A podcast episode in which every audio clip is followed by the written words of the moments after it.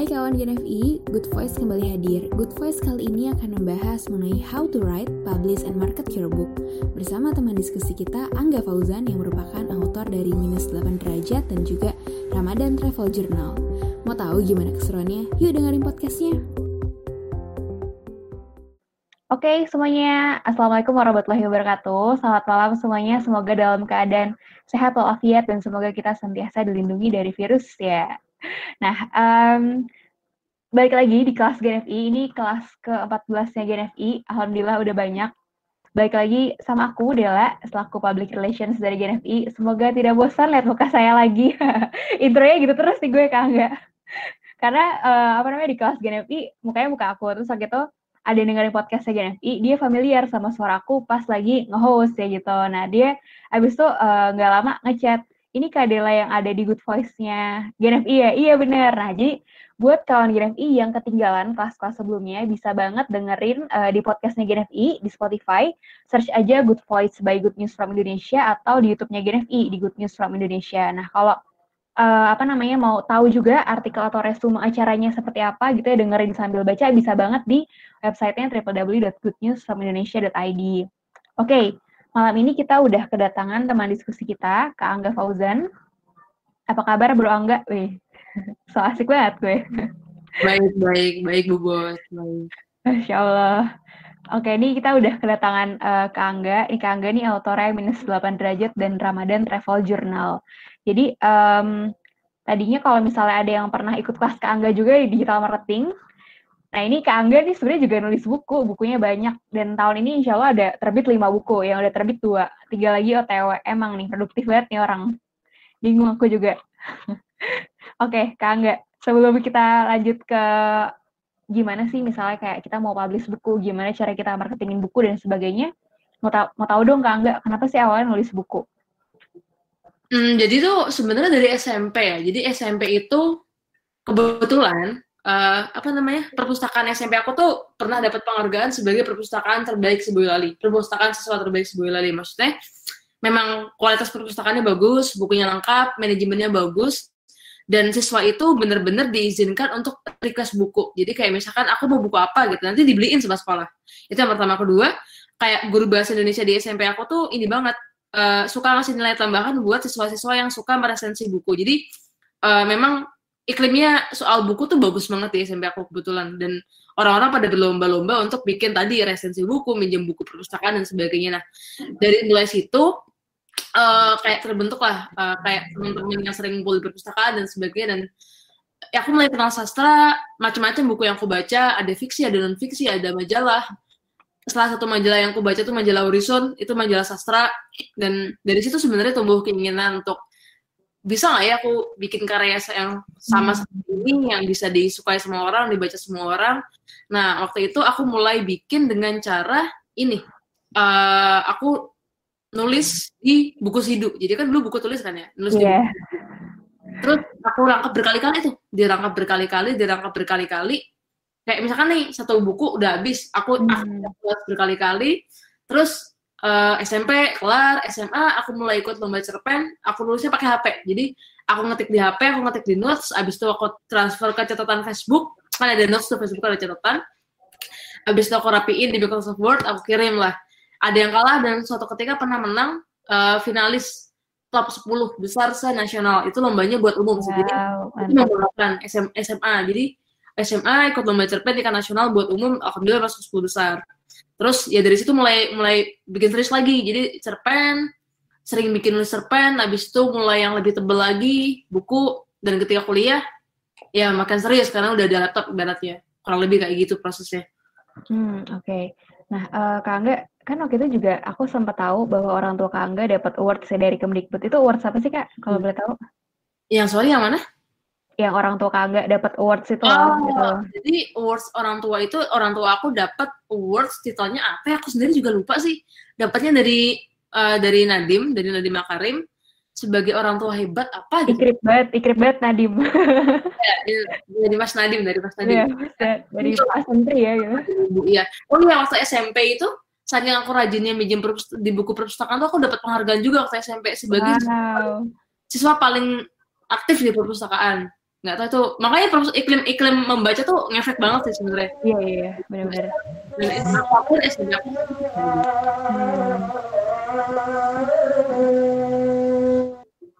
Oke, okay. uh, eh, Kak Angga, sebelum kita lanjut lagi nih ke apa namanya, ke bahasan mengenai gimana cara publishing dan sebagainya, gimana cara nulis dan lain-lain. Nah, uh, apa sih akhirnya nge-trigger Kak Angga buat bikin uh, novel pertama Kak Angga ya, minus 8 derajat, itu kan diluncurin awal tahun ini ya Kak, di Februari kalau awal tahun, awal tahun. Jadi, jadi gini, uh, sebenarnya kalau prosesnya itu kan cukup panjang ya, dari aku hmm. kuliah tuh aku udah mulai sering ngirim naskah, cuma ditolak. Belasan aku ngirim belasan kali aku ngirim dan wow dulu tuh masih kayak yang versinya banyak penerbit tuh minta print gitu jadi hmm. aku print aku selalu sendiri aku kirim sendiri gitu dan sebagian besar ditolak jelas terus kemudian uh, waktu aku kuliah di UK sih sebenarnya. Awalnya aku di kuliah di UK hmm. waktu itu aku ada ada agak sedikit down sama salah satu part di kehidupan di sana. Jadi uh, apa ya ceritanya itu waktu itu aku ada masalah di organisasi sih. Tepatnya waktu itu aku nyalon kan sebagai salah satu ketua PPI lah. Terus kemudian uh, uh, apa namanya nama aku tuh dihapus gitu sebagai kandidat. Oh aku dari sejak lama aku udah punya mentor aku udah hmm. dari berbagai macam kota di UK dan sebagainya terus kemudian nama aku dihilangin. Jadi aku sempet down. Kenapa? Ya karena simply pertama aku udah udah nyiapin semua tim udah konten udah materi kampanye udah. Yang kedua uh, apa ya? Karena dulu tuh waktu di kuliah di ITB tuh aku jadi ketua pemira kebetulan. Jadi ketua hmm. aku bener-bener sangat menjaga tuh demokrasi harus seperti apa dan sebagainya. Dan ketika ngeliat kayak gitu dia di situ dua hal dari aku yang sendiri yang sangat ingin. Kedua kenapa bisa kayak gini gitu tapi yeah. kan berbuat banyak habis itu down nah salah satu temanku cerita bilang dia bilang gini karena waktu itu aku di sini udah agak agak parah dalam artian dalam dua sampai tiga bulan tuh aku nggak keluar kamar bayangin kayak hmm kamu nggak keluar kamar, kamu keluar kamar cuma kayak ke kampus doang, itu pun kayak seminggu cuma beberapa kali, atau kamu belanja mingguan. Jadi hari-hari itu aku di kamar, jendela gorden pun aku tutup, saking daunnya kan. Nah, di situ teman salah seorang temanku bilang, e, coba deh kamu tulisin pengalaman. Jadi daripada kamu berfokus sama hal yang kamu kehilangan atau yang nggak kamu dapatkan, coba kamu ingat-ingat lagi apa yang pernah kamu dapetin. Jadi nyaranin coba deh ditulis perjalanan kamu dari dulu banget sampai sekarang sampai di sampai di titik ini hmm. ya jadi satu halaman dua halaman satu satu chapter dua chapter lama-lama jadi buku terus habis itu aku aku coba bikin taruh di Wattpad aku coba bikin resumenya di Twitter rame orang-orang pada suka. Habis itu dan satu hari itu ada lima penerbit yang ngontak aku. Jadi wow. waktu zaman kuliah S1 aku ngirim berkali-kali berbelas-belas kali nggak ada yang terima dan ketika itu satu hari lima penerbit. Satu hari lima penerbit dan itu benar-benar nggak kebayang gitu. Kayak bisa segitunya dan yeah. akhirnya pertama sebenarnya. Jadi aku nggak begitu pikir panjang aku yang pertama. Dan kebetulan alhamdulillahnya yang pertama itu dia penerbit novel Dylan. Dia hmm. penerbit novel Dylan. Uh, satu rumah lah istilahnya sama Dylan. Dan manajemennya menurut aku sangat bagus. Nah itu penerbitnya pastel. Dia di bawahnya Mizan. Jadi hmm. Mizan itu punya beberapa yeah, yeah uh, penerbit lah. Sama kayak Gramedia. Gramedia kan juga yeah. kayak Alex atau apa atau apa. Sebenarnya kayak gitu nah aku di pastel. Itu salah satu anaknya Mizan lah istilahnya. Gitu kurang lebih prosesnya. Hmm, I see. Nah uh, Kak Angga ini kan udah tadi udah cerita uh, proses bukunya. Terus Kak Angga juga bilang tadi ditolak berkali-kali. Nah uh, berarti nih kalau misalnya kawan-kawan di sini baru sekali atau baru belum sampai belasan atau mungkin puluhan gitu jangan berkecil hati gitu ya karena mungkin emang uh, belum jalannya atau belum saatnya yang menerbitkan buku atau mungkin masih banyak hal yang perlu diperbaiki dan perlu di apa ya ditingkatkan lagi gitu dalam penulisannya. gimana caranya? Nah, daripada penasaran langsung aja nih Kak Angga. Waktu dan tempat saya persilakan untuk mempresent materi Kak Angga. Materinya okay. keren banget, BTW. Udah aku lihat. Udah ya, udah ini ya, approved by Dela ya? Iya. orang dalam. Jadi lihat dulu nih, udah lihat duluan. Sorry kawan-kawan. Sorry kawan-kawan. Dila udah belajar duluan ini. Iya, udah belajar duluan. ya, aku coba share ya sebentar. Hmm. Oke, okay, uh, eh, kawan-kawan saya menunggu Kak Angga. Kalau misalnya ada uh, teman-teman yang mau ikut join di kelas malam ini tapi nggak bisa join ke Google Meet, uh, bisa disarankan untuk nonton di YouTube-nya Good News from Indonesia, di Twitter maupun di Facebook. Uh, mau nyapa dulu ke kawan-kawan di YouTube, Facebook, dan Twitter. Halo semuanya, selamat malam, selamat uh, bergabung. Nanti kalau ada pertanyaan, insya Allah kalau sempat aku bacakan. Jadi uh, bisa post pertanyaan di kolom komentar atau di kolom chatnya ya, kawan-kawan. Oke, okay, Kak. Monggo, Kak. Oke, okay, uh, selamat malam teman-teman semuanya. Kenalkan, uh, nama aku Angga Fauzan. Uh, seperti tadi Lila jelaskan juga, uh, aku penulis buku. Sebenarnya ya baru mulai, jadi aku nggak bilang bahwa diri aku udah uh, apa namanya ahli atau bagaimana. Aku masih juga masih banyak belajar dan kebetulan syukurnya lagi aku punya lingkaran-lingkaran pertemanan yang juga kebetulan penulis-penulis bagus ada waktu aku kuliah di Edinburgh tuh aku kebetulan teman Indonesia aku tuh ada dua yang penulis besar. Satunya penulis naskah film. Film-filmnya bener-bener film-film yang box office di atas satu juta penonton. Satu lagi adalah penulis novel dan novelnya pun difilmkan dan uh, populer juga orangnya. Dan dari situlah uh, aku merasa beruntung juga dan uh, aku harap kita semua di sini jadi ajang yang sama, jadi ajang silaturahmi yang sama agar kita sama-sama mendukung, sama-sama saling belajar kayak gitu. Nah, sebelumnya eh, teman-teman bisa follow ini dulu. IG-IG yang ada di sini, ada GNFI, Pastel Books itu yang penerbit buku aku yang pertama, Leni Muda itu penerbit buku yang kedua, jadi Pastel Book itu penerbit buku mayor, Leni Muda ini penerbit buku indie atau buku self publishing untuk membantu teman-teman dan gratis. Terus juga ada teman-teman dari komunitas kritisin belajar. Jadi sebenarnya ada dua pihak lah yang awalnya mau bikin diskusi ini dan aku berpikir ya udah disatuin aja antara gratisin belajar dengan Genevi dan teman-teman silakan bisa follow dan follow juga Instagram saya. Nah, uh, pada malam hari ini kita bakal fokus ke tiga tema utama, yakni menulis, mempublikasikan, dan memasarkan. Jadi sebelumnya saya mohon maaf juga uh, slide-slide di belakang ini nanti bakal bahasa Inggris karena sebenarnya karena saya nggak sadar sih. Jadi ketika saya ngerjain slide-nya kemarin udah di setengah jalan, terus saya baru sadar kenapa saya nulis di bahasa Inggris gitu dan udah kagok. Jadi ya udah dilanjutin aja. Nanti saya coba jelaskan dengan sejelas mungkin. Kalau ada teman-teman mau ditanya, silahkan sambil ditanya di ketik di kolom komentar nanti dibacakan sama Dela.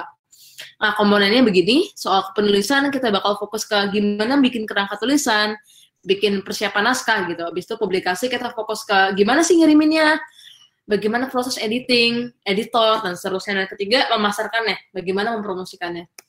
Nah, kita mulai dari yang paling pertama dan paling-paling krusial, yakni bikin kerangka tulisan. Nah, terus kemudian, apa sih yang jadi bahan utama kalau kita bikin kerangka tulisan gitu. Kalau menurut saya sebelum kita melangkah lebih jauh soal kayak semacam uh, tertanya tentang apa, gimana, berapa halaman dan sebagainya, mending kita bahas premis dulu aja. Itu paling sederhana. Premis itu adalah uh, kalimat pernyataan atau kalimat yang menceritakan gambaran besar soal cerita yang kita buat. Satu kalimat aja, gak usah panjang-panjang. Gak usah panjang-panjang, gak usah sampai dua, apalagi sampai lima kalimat. Jadi, ibaratnya kalau ditanya orang, ceritanya tentang apa sih? Tentang ini. Nah, simpel kan? Nah, premis itu terdiri dari beberapa komponen. Yang pertama adalah nama, jadi nama karakter utamanya. Ini name, a person, dengan karakter tertentu. Karakternya misalkan dia orangnya A gitu. Dengan dia punya satu willingness untuk mencapai satu tujuan, goalnya apa. Terus kemudian dia menjalankan melalui beberapa cara, dengan cara ABC, tapi ada kendala contoh kalau mungkin dibikin contoh ya hmm, Harry Potter seorang uh, anak muda dengan kemampuan sihir dan punya keinginan untuk membalas dendam kematian orang tuanya dengan cara membunuh Horcrux dan dengan cara menggayat dukungan tetapi punya berbagai macam obstacle atau hambatan yakni kepala sekolah ah, ya ini lingkungan luar sekolahnya yakni pelahap mautnya pada berkonspirasi bersama kementerian untuk mengalahkan dia. Itu teman-teman harus fix dulu. Kita harus mulai dari premis. Premisnya apa? Jadi ada sekitar lima komponen. Namanya siapa, karakternya gimana, bisa karakter secara sifat, bisa karakter secara kemampuan. Ini sesuatu yang benar-benar penting dalam cerita nanti. Habis itu tujuannya apa? Harus punya tujuan. Dan kemudian cara-cara yang dilakukan tuh apa? dan hambatannya apa kayak gitu. Ini yang pertama. Kita harus mulai dari sini. Nah, kita bicara lagi soal karakter. Gak mungkin satu cerita tuh tidak memiliki karakter, pasti punya karakter. Nah, karakter ini dibagi jadi tiga, teman-teman. Pertama adalah karakter-karakter yang terlahir, born. Jadi kayak misalkan fisik, tinggi, pendek, hitam, putih, cewek, cowok, dan sebagainya. Dan juga lingkungannya, tinggal di desa, tinggal di kota, di, di Indonesia, di Amerika, kemudian tinggal di tempat orang kaya, tempat orang miskin, dan sebagainya. Environmentnya seperti apa. Lantas yang kedua adalah acquired-nya. Jadi hal-hal yang dia dapatkan. Contoh, karakternya dia. Kayak misalkan karakter dia entah dia berubah atau dia terbentuk oleh orang-orang sekitarnya. Terus juga pencapaiannya dia, misalkan dia orangnya pintar, atau dia juara kelas, atau dia geng motor, misalkan. Itu acquired, jadi yang dia dapatkan. Lantas backstory-nya. Masa lalu dia tuh apa gitu masa lalu dia tuh apa sih? Apa yang latar belakangnya dia? Apa yang membuat dia berpikir seperti ini dan seperti itu? Itu penting. Jadi kita harus mulai dari karakternya seperti apa. Utamanya karakter utama ya. Nah, karakter ini dibagi lagi sebenarnya. Karakter tuh dibagi jadi uh, lima lima pembagian lah kalau saya bikin. Oh ya sedikit disclaimer, ini semua adalah strategi yang untuk secara saya pribadi gunakan. Jadi bisa jadi ketika teman-teman bertanya dengan penulis lain atau orang lain ya bisa jadi sangat berbeda karena ini guideline yang saya pakai untuk diri saya sendiri. Kalau teman-teman merasa cocok boleh, cuma saran saya teman-teman tetap perlu bereksplorasi dengan gaya teman-teman sendiri. Jadi jangan saklek sama yang saya tulis. Oke, kita lanjutkan. Uh, ini kita pakai studi kasus Harry Potter ya. Jadi katakanlah kita bagi jadi lima, lima step gitu. Piramida ini yang paling atas uh, yang menunjukkan bahwa durasi atau frekuensi munculnya dia dalam suatu cerita. Jadi makin kecil. Kalau ketika teman-teman lihat di sini segitiganya kan yang paling atas yang background karakter kan kecil banget dibandingkan dengan yang protagonis dan antagonis. Maknanya apa? Yang paling atas itu durasinya harusnya sedikit uh, harusnya paling kecil daripada yang misalkan shadow karakter, daripada yang supporting karakter, daripada yang top karakter maupun protagonis ataupun antagonis. Jadi uh, ini juga ber, berpengaruh sama sebenarnya frekuensi atau durasi si tokoh utama tersebut ditampilkan. Nah, kita mulai dari yang pertama, protagonis dan antagonis. Definisinya apa? Mungkin waktu zaman sekolah, kita terlalu saklek atau terlalu uh, dikotak-kotakan gitu ya. Definisi protagonis dan antagonis itu baik dan jahat. Padahal sebenarnya enggak, teman-teman. Protagonis dan antagonis tuh nggak sekedar dia baik atau dia jahat, tapi protagonis adalah benar-benar tokoh utama yang membangun cerita. Contoh, ketika teman-teman lihat film Joker, film Joker protagonisnya siapa? Protagonisnya Joker. Kenapa? Karena memang dia tokoh utamanya gitu. Dia yang jadi pusat dari cerita. Itu protagonis. Antagonisnya adalah lawannya dia. Jadi lawan tuh nggak selamanya dalam tanda kutip buruk ya. Jadi eh, sosok-sosok atau orang-orang yang tokoh utama yang berseberangan sama dia, yang bisa menghambat langkah-langkah dia, yang mungkin punya tujuan yang sama atau nggak suka aja dan sebagainya. Itu namanya antagonis. Nah, kalau konteks di Harry Potter, protagonisnya jelas Harry dan antagonisnya jelas Voldemort. Ini masih dalam konteks baik dan buruk, cuma nggak selamanya tentang baik dan buruk. Berikutnya, abis itu top characters. Top characters adalah tokoh-tokoh pendukung utama. Jadi ibaratnya lingkaran-lingkaran terdekatnya atau orang-orang yang sangat berpengaruh sama jalur cerita. Contoh kalau di Harry Potter jelas Hermione sama Ron, itu nggak bisa dipungkiri. Abis itu ada mungkin ada Dumbledore, ada Snape, dan ada Malfoy. Itu top karakternya. Lantas supporting karakter. Orang-orang yang masih penting tapi dia berada di sisi transisi. Dia nggak banyak muncul tapi sekalinya muncul bermanfaat gitu atau berdampak. Contoh misalkan Hagrid, Bellatrix, Ginny, McGonagall, Neville dan sebagainya. Itu supporting karakter. Dia berada di tengah-tengah.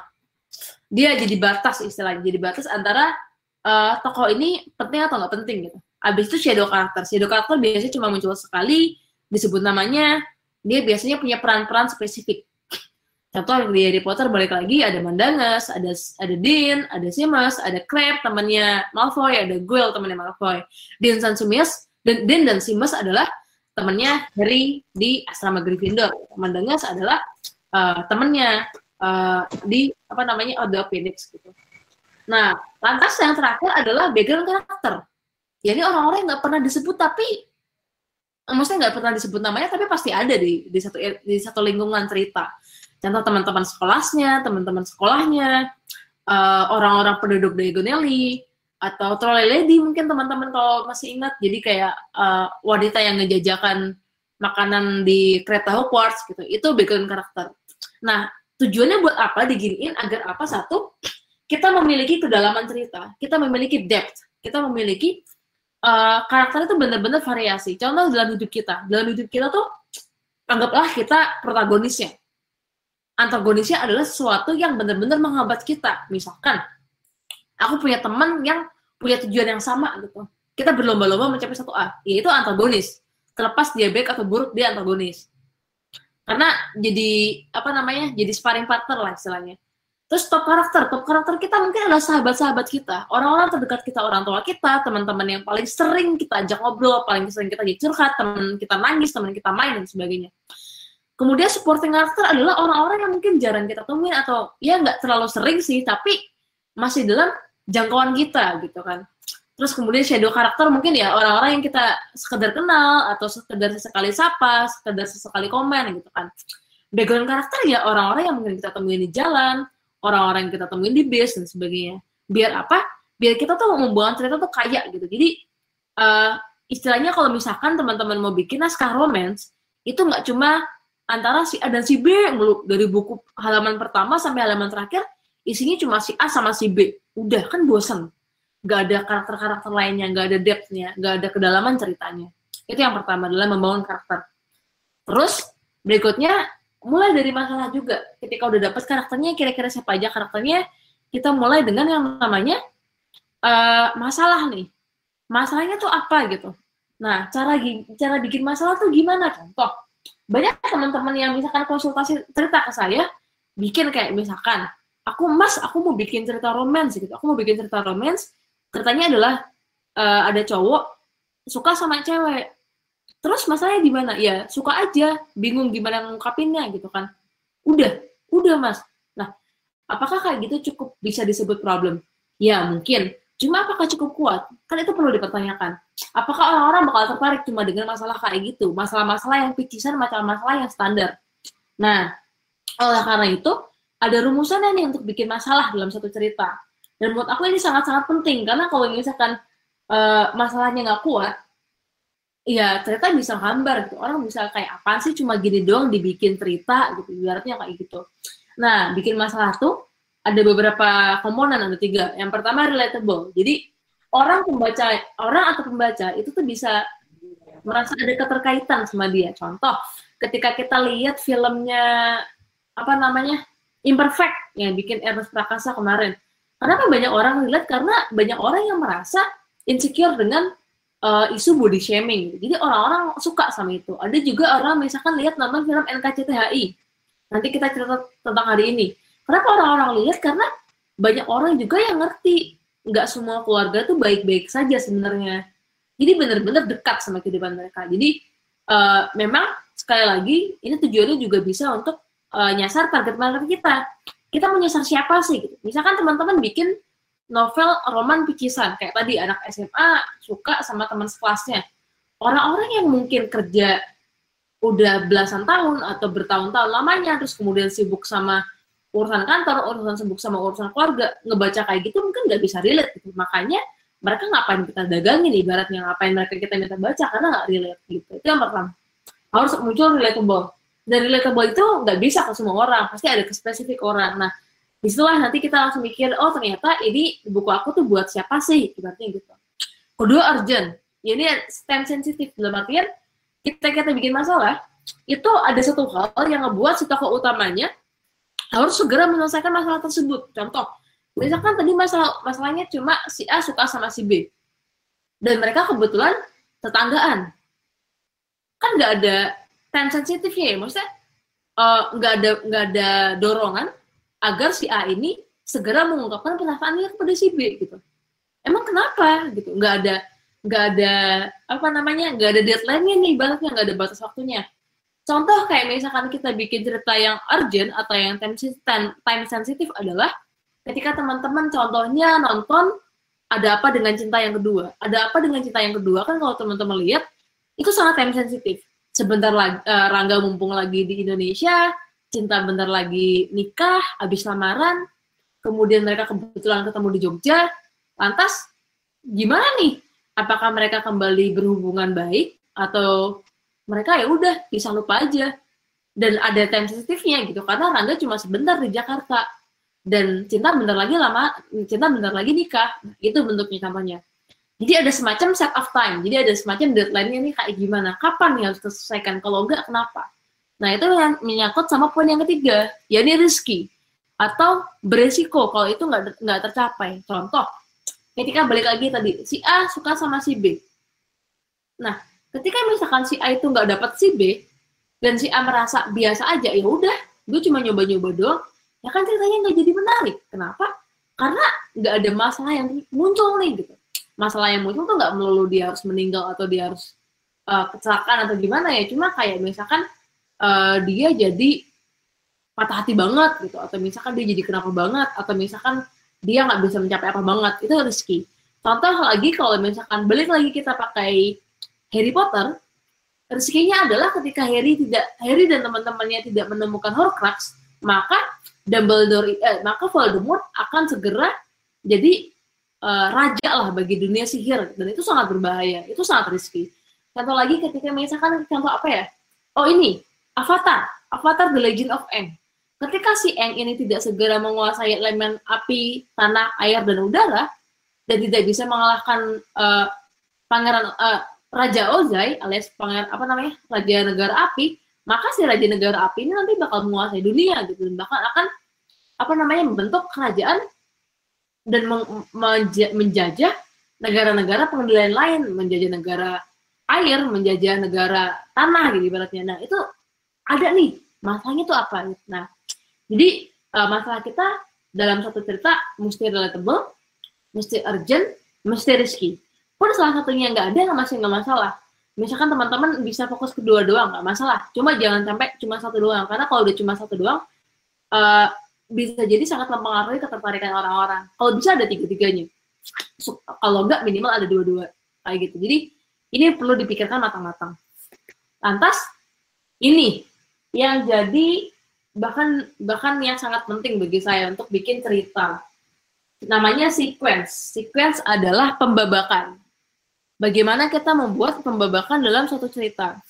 Nah, hmm, zaman dulu, uh, kalau nggak salah yang bikin Aristoteles, dia bikin pernah bu, bikin kalau nggak salah nih, aku lupa lupa ingat nih. Kalau nggak salah dia dan kalau nggak salah dia bikin buku judulnya uh, apa ya? Intinya dia menjelaskan bahwa secara umum cerita itu atau storytelling itu dibagi jadi tiga, yakni uh, opening, klimaks, dan ending. Dan ini biasanya yang kita pelajari juga di sekolah. Umum banget kan, kayak openingnya apa, masa puncaknya gimana, endingnya gimana. Itu kan sangat umum. Nah, abis itu banyak orang berusaha untuk ngebreak dengan lebih panjang lagi nih. Biar nggak monoton, biar nggak ya pengenalan, masalah, selesai, udah gitu. Nah, orang-orang bikin lebih detail ada namanya five sequence atau lima babak. Kayak misalkan dia bikin opening dulu nih. Opening, dikenalin karakter-karakternya, si A, si B, dia tinggal di sini, yang acquired apa, boardnya apa, kayak gitu. Habis itu baru setup. Setup di sini mungkin udah mulai dikenalin masalahnya, udah mulai dikenalin resikonya. Habis itu klimaks, yakni oke okay, dia menyelesaikan masalah tadi gitu. Dia berusaha menyelesaikan masalah tadi. Dia berusaha untuk mem memberanikan diri menuju medan pertempuran istilahnya. Habis itu resolusi. Resolusinya adalah misalkan uh, dia akhirnya menemukan cara untuk mengalahkan musuhnya atau mendapatkan impiannya. Habis itu selesai, ending. Happy ending, sad ending, atau uh, ngambang atau gimana, itu five sequence. Nah, yang populer, yang populer sekarang, entah di dunia novel ataupun apa namanya, uh, penulisan film, itu ada yang namanya delapan sequence atau pembabakan 8. Jadi 8 babak, serta 8 babak.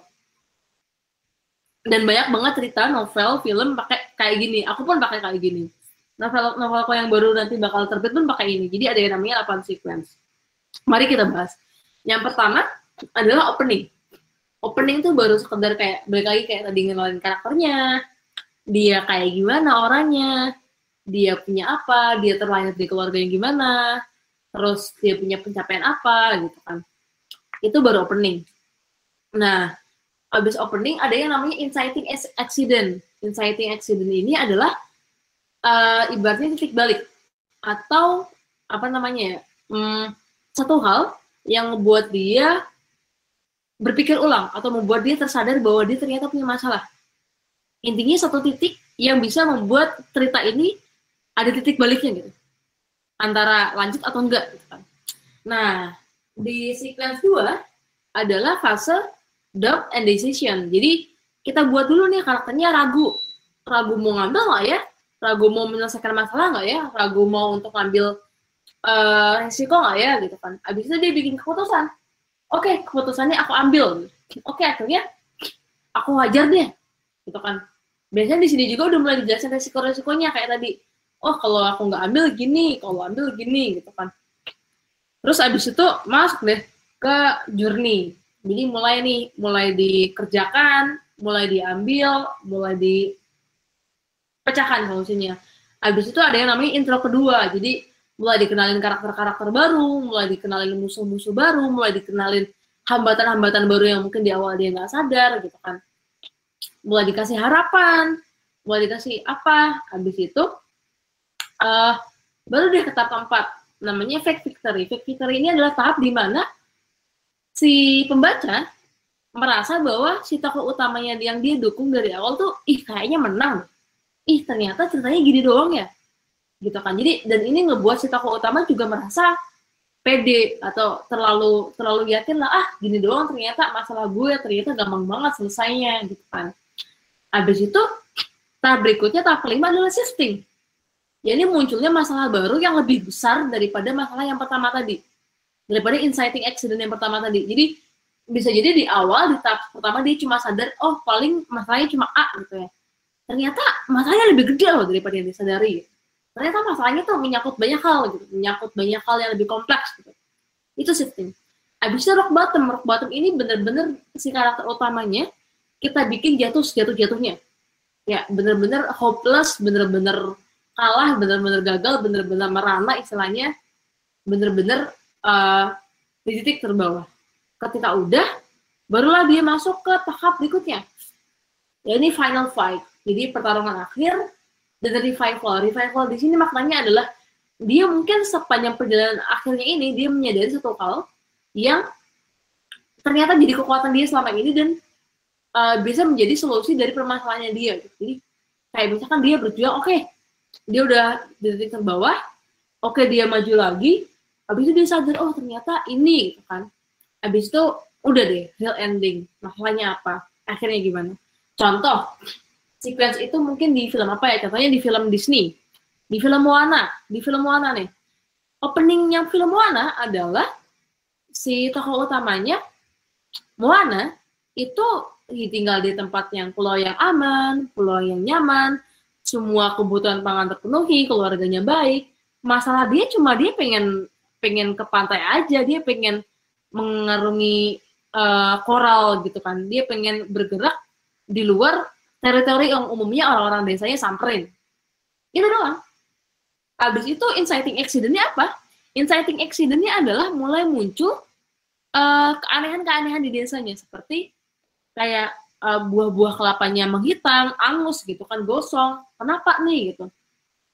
Terus orang-orang yang nelayan yang nggak pada dapat makanan, nggak dapet ikan gitu kan. Itu inciting accident. Apa nih accidentnya yang ngebuat uh, kondisi nyaman tadi berubah gitu habis itu doubt and decision. Ngebuat semuanya tuh bingung. Ini apa sih gitu kan. Akhirnya dia ngobrol sama neneknya lah. Nenek yang ngejelasin bahwa dulunya mereka ternyata voyagers gitu. Kayak petualang penjelajah gitu kan. Dan ngebuat Mona awalnya bingung.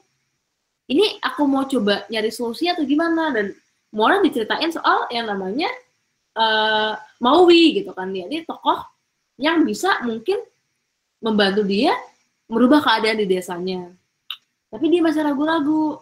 Dan awalnya bahkan mungkin dia nggak ngambil dia nggak jadi nggak jadi melaut karena ya dia diberi doktrin bahwa dia bakal jadi penerus desanya dan dia bertanggung jawab sama orang-orang di desanya. Jadi kan sempat tuh ada adegan kayak Mona akhirnya ya udahlah aku di desa aja nanti kita cari uh, apa namanya ikan di zona lain atau kita bikin tanaman baru aja udahlah gitu.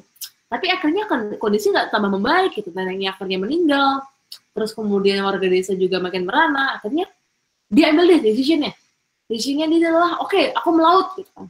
Melaut. Nah, masuk ke tahap tiga, jernih. Di tahap jernih ternyata hewannya ikut sama dia, ayamnya ikut sama dia. Terus kemudian intro kedua, intro kedua apa? Ketemu sama Maui. Intro kedua dia ketemu sama Maui, kemudian uh, awalnya Maui, Maui menolak, terus akhirnya Maui mau. Nah, dan si siapa mau Moana? Moana kan punya ini kan the heart of Tafiti punya jantungnya Tafiti kan yang bakal diduga bakal jadi solusi dari permasalahan di desanya ya ini dengan tinggal mengembalikan doang gitu. Nah fake victory-nya adalah Maui udah mau dia udah punya the heart of Tafiti kemudian air laut juga nurut sama dia terus kemudian dia udah tahu dia harus pergi ke mana arahnya ke mana aman gitu kan dia mikir ah gampang nih ternyata petualangannya gini doang gitu kan.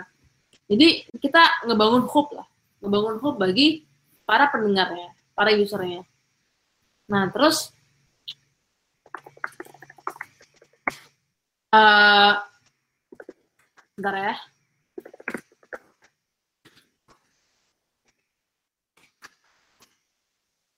Nah, kemudian shiftingnya adalah ketika dia samper sampai ke sana, ternyata uh, pulau akhirnya itu tidak sederhana yang mereka bayangkan gitu.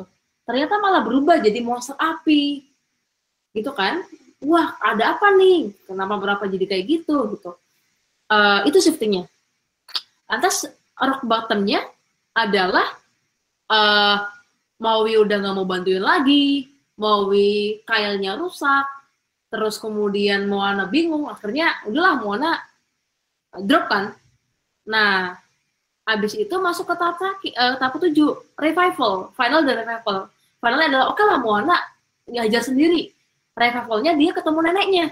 Neneknya ngasih tahu, oh ternyata bahwa yang penting tuh kamu mau kamu punya niat yang baik, yang penting kamu berani, lalala itu revival. Jadi dia sadar bahwa sebenarnya solusi itu ada di dirinya sendiri.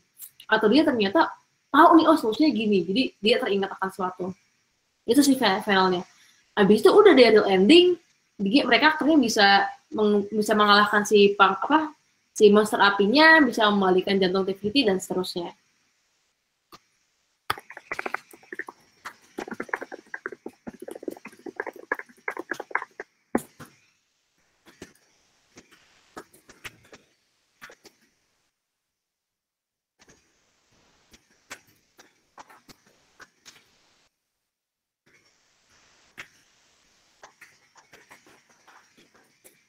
Nah, kemudian uh, ketika misalkan teman-teman udah kelar, udah nih aku kira-kira tadi udah bikin premis.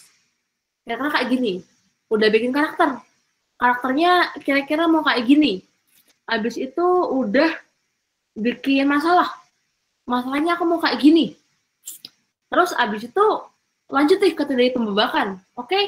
kira-kira babak satu kayak gini, babak kedua kayak gini, babak ketiga, babak keempat, sampai babak terakhir udah kelar kan? Habis itu cobalah teman-teman bikin sinopsis. Karena biasanya kan sequence itu masih kasar. Maksudnya dalam artian iya itu uh, nunjukin plot-plot penting dari yang teman cerita teman-teman buat gitu. Kan teman-teman bikin plot nih oh, oke. Okay. tadi kan plotnya uh, ketika tahap ini apa tahap ini apa tahap ini apa tahap ini apa dan seterusnya. Nah ketika udah coba dirapiin. Dirapiin dengan cara bikin sinopsis cukup maksimal satu halaman. Agar apa? Biar teman-teman fokus sama alur utama cerita. Jadi nggak ada nggak ada yang muter-muter nggak ada yang bolak-balik dan sebagainya nggak ada yang blunder nggak ada uh, scene yang atau sequence yang bener-bener kebuang dan sebagainya. Coba bikin sinopsisnya. Nah sinopsis tadi sebenarnya tujuannya adalah untuk bikin scene atau bridging dari pembabakan-pembabakan yang teman-teman buat. Jadi kayak gimana sih transisi dari babak pertama ke babak kedua dan seterusnya dan sebagainya.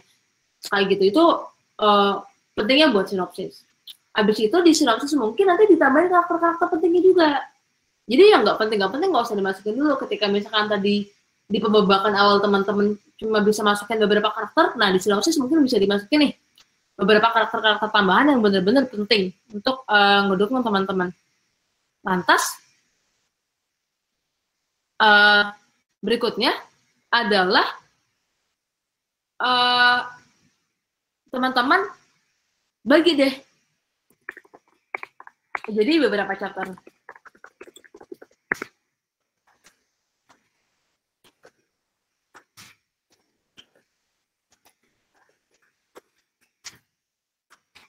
Jadi teman-teman ketika udah jadi sinopsis nih, oke okay, udah jadi satu halaman, nanti teman-teman bagi-bagi. Oh, kalian paragraf pertama aku bagi jadi chapter 1 sampai 5 misalkan. Paragraf kedua chapter berapa sampai berapa, paragraf ketiga berapa sampai berapa, empat berapa berapa berapa, lima berapa sampai berapa.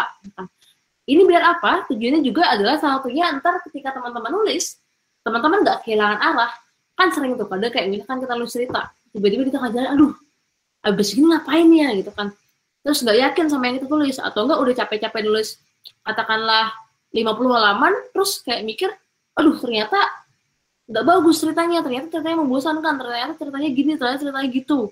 Ternyata alurnya nggak bener. Ternyata pembuat pembagian chapternya nggak rapi dan sebagainya. Ya tujuannya buat itu. Jadi teman-teman bikin dari bikin pembabakannya abis itu uh, bagi-bagi deh. Kira-kira uh, pembagiannya mau kayak gimana dari cerita teman-teman buat gitu. Terus ketika udah baru deh teman-teman nulis dari chapter ke chapter. Satu pelan-pelan. Yang penting sebenarnya apa? Menurut saya yang penting itu pertama konsisten. Jadi benar-benar dialokasi waktunya. Kayak misalkan teman-teman punya target uh, satu buku ini aku mau selesaikan dalam jangka waktu tiga bulan. Oke tiga bulan. Jadi kalau tiga bulan maka dalam satu minggu udah kelar berapa halaman atau gimana dan seterusnya. Nah, menurut aku saran aku juga penting buat teman-teman punya target. Targetnya bukan target jumlah halamannya, cuma at least target minimal halaman nih justru kayak misalkan untuk terbitin novel katakanlah minimal butuh 180 halaman. Ya udah, yang penting dapat minimal 180 halaman tadi. Oke lah, di, lebih dikit jadi 190 halaman terus 200 halaman. Jadi uh, yang penting konsisten nanti dibagi-bagi uh, satu minggu harus tercapai berapa halaman kayak gitu. Kedua pelan-pelan aja, pelan-pelan dalam artian eh, nggak uh, usah terlalu diburu-buru, nggak usah terlalu dipaksa. Uh, yang penting konsisten. Yang terakhir adalah passionate. Banyak orang yang nanya kayak ke saya, contoh, uh, Mas, aku tuh pengen jadi penulis, tapi di tengah jalan malas, tapi di tengah jalan tiba-tiba nggak uh, bersemangat lagi nulis, atau tiba-tiba nggak punya ide atau mau nggak tahu mau nulis dari mana. Nah, di situ justru uh, harusnya kalau menurut saya pribadi ya itu uh, nanya balik sih maksudnya dipertanyakan balik ke diri kita sebenarnya tuh kita mau jadi penulis tuh buat apa sih? Gitu. Apakah ini cuma ikut-ikutan orang doang atau cuma ikut-ikutan tren doang atau cuma sekedar pengen dikenal atau pengen terkenal gitu atau pengen dapat apa gitu kan? Atau emang bener-bener kita sangat suka sama dunia tulis penulis nah jadi kalau misalkan misalkan nih ternyata emang nggak nggak passion passion banget di dunia penulisan ya gak usah maksain gitu.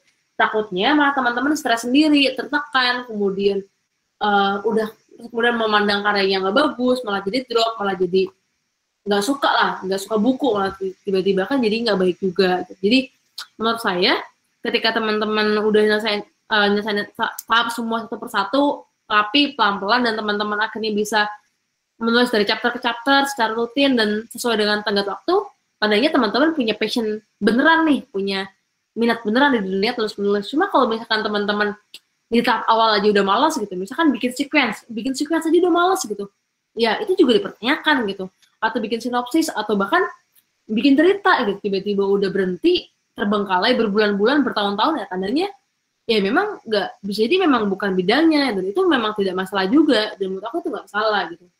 Jadi uh, apa namanya rutinitas atau pelaksanaan metode tadi salah satunya menurut aku penting juga untuk uh, mempertanyakan ulang lah uh, passion kita di dunia penulisan gitu.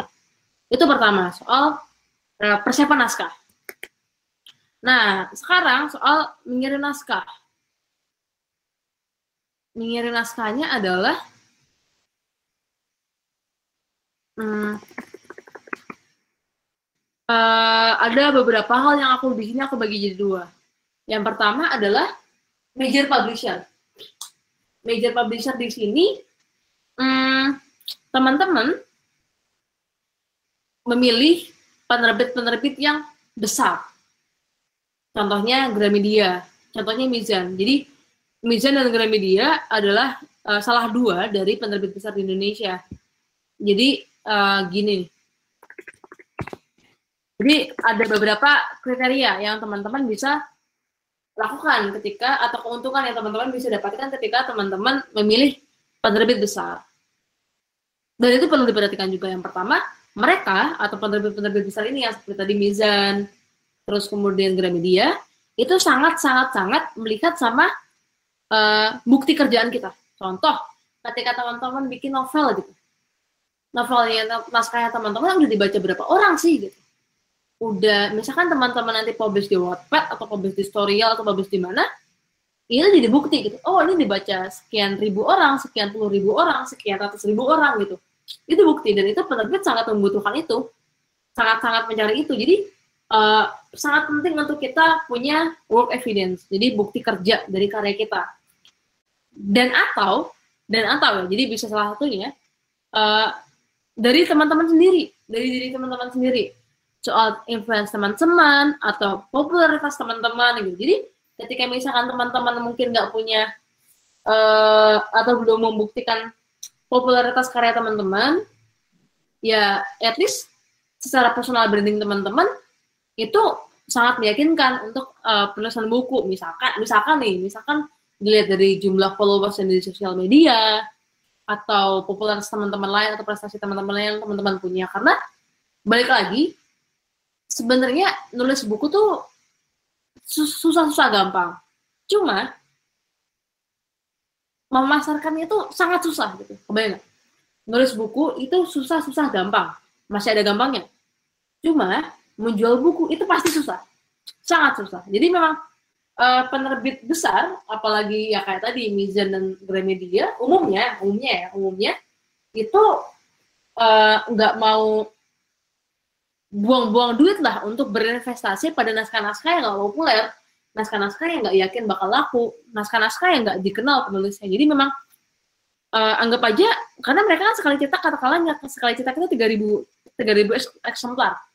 Katakanlah satu novel teman-teman harganya seratus ribu, ya itu aja. seratus ribu dikali tiga ratus ribu. Eh dikali dikali tiga ribu. Berapa tuh? Memang kan udah kayak tiga ratus juta gitu kan lah. Lah duit dari mana tiga ratus juta? Kalau misalkan uh, nanti ujung-ujungnya nggak laku gitu. Duitnya sayang dong nggak nggak nggak balik modal dong gitu. Ibaratnya gitu kan penerbitan kan juga bisnis gitu kan. Makanya mereka sangat melihat siapa penulisnya dan atau uh, bukti pembuktian dari yang karya teman-teman buat kayak gitu. Jadi mungkin mulai dari sekarang kalau teman-teman punya naskah tadi nih udah bikin premis, udah bikin sequence, udah bikin sinopsis, udah mulai bikin chapter, coba aja ditulis pelan-pelan, misalkan ditaruh di Wattpad, ditaruh di Storyal gitu, atau ditaruh di blog gitu kan. Lantas sambil kalau perlu bikin personal brandingnya teman-teman untuk uh, naikin popularitas, membuat orang-orang pada tahu teman-teman, pada tahu karya teman-teman, dan maksudnya ini popularitas dalam hal baik ya karena ya kalau misalkan dikenal dengan tidak baik mah siapa yang mau beli karyanya juga gitu kan. Jadi uh, fokus ke karya teman-teman sih kalau mau ngebangun popularitas gitu. Jadi itu penting juga. Yang kedua mereka itu yakni penerbit satu sangat strict sama aturan. Sangat sangat strict sama aturan.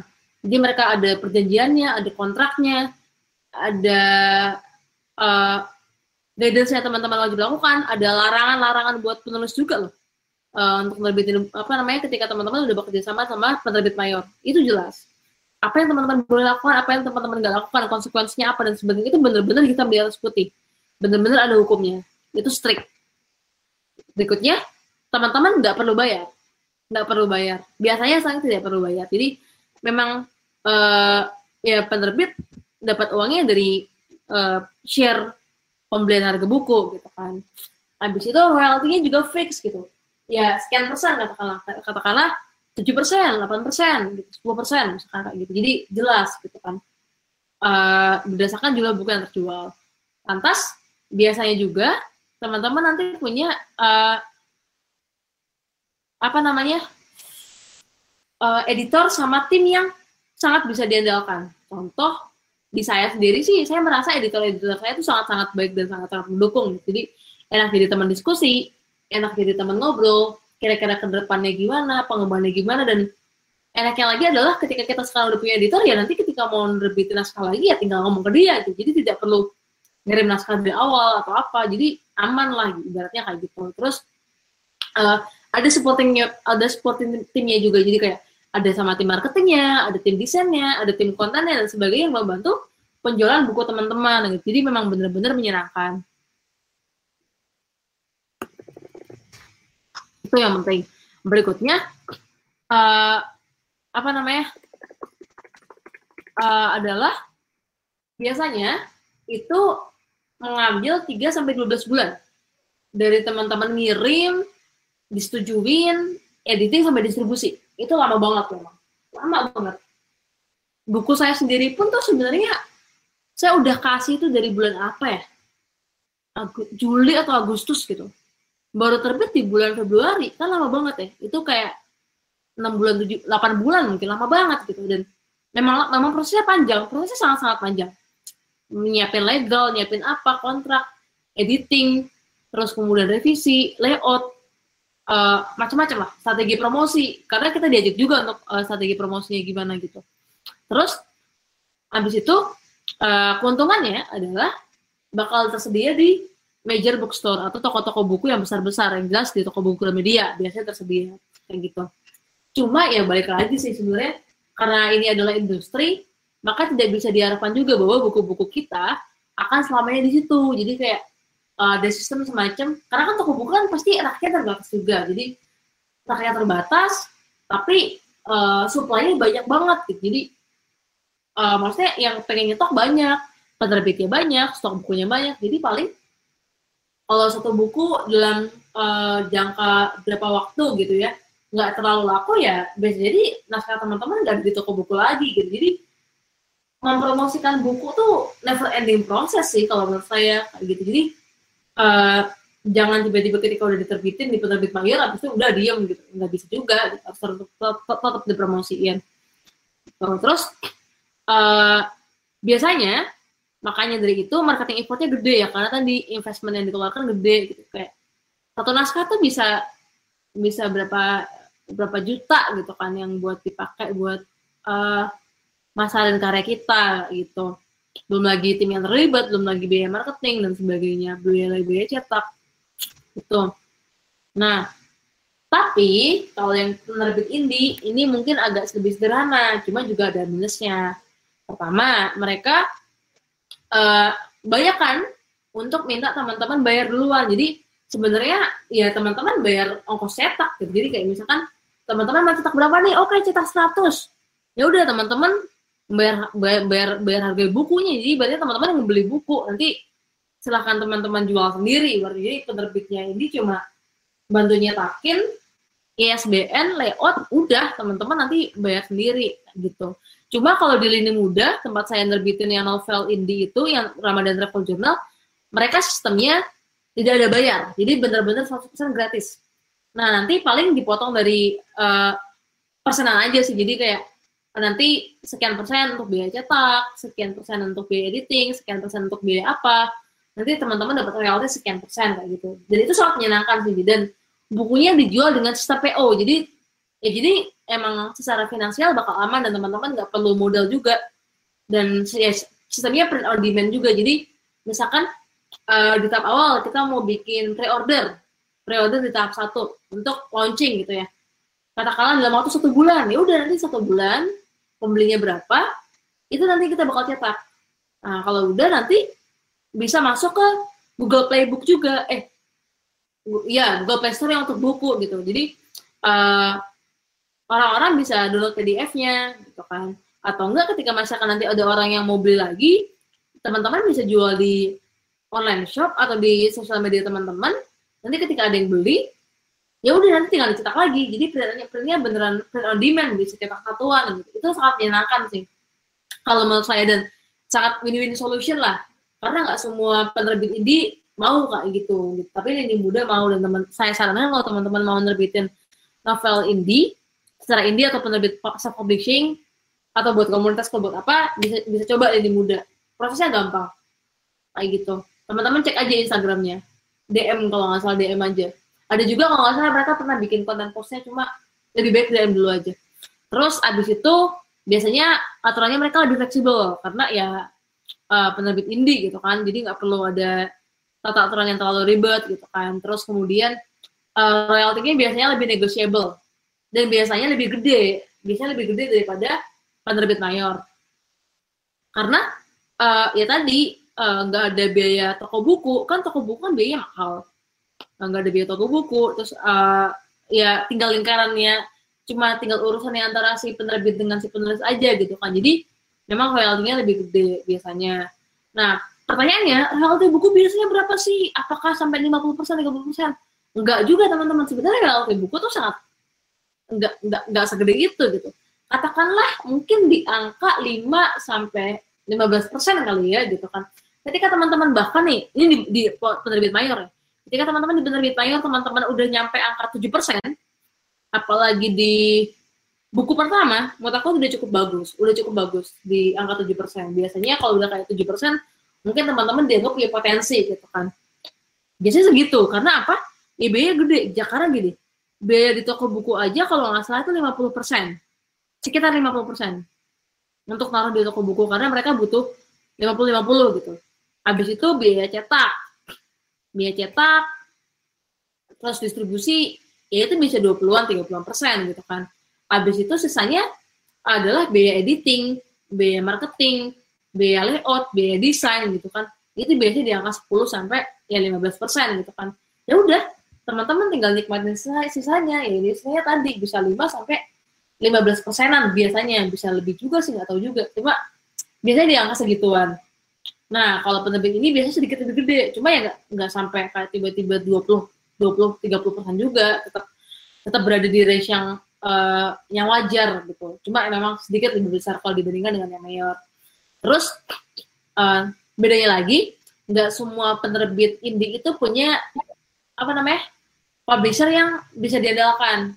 Nggak punya tim yang bisa diajarkan patokan barang karena kan mereka ya indie gitu kan. Mereka bayarannya juga kecil dan cuma dapat persenan juga sedikit. Jadi memang nggak nggak menjamin tiba-tiba ada tim marketing tim konten tim apa tim desain dan sebagainya. Kayak banyak banget biasanya ya timnya paling cuma terbatas. Paling cuma kayak beberapa orang. Nanti bantuin layout bantuin desain bantuin apa bantuin marketing. Udah. Paling biasanya orangnya cuma ya dua satu. Nggak banyak gitu sama editor paling kayak gitu. Jadi effortnya teman-teman tentu bakal lebih gede kalau teman-teman pakai menerbit indie. Nah tapi uh, biasanya apa namanya waktunya lebih singkat. Ya karena tadi prosesnya lebih simple fleksibel.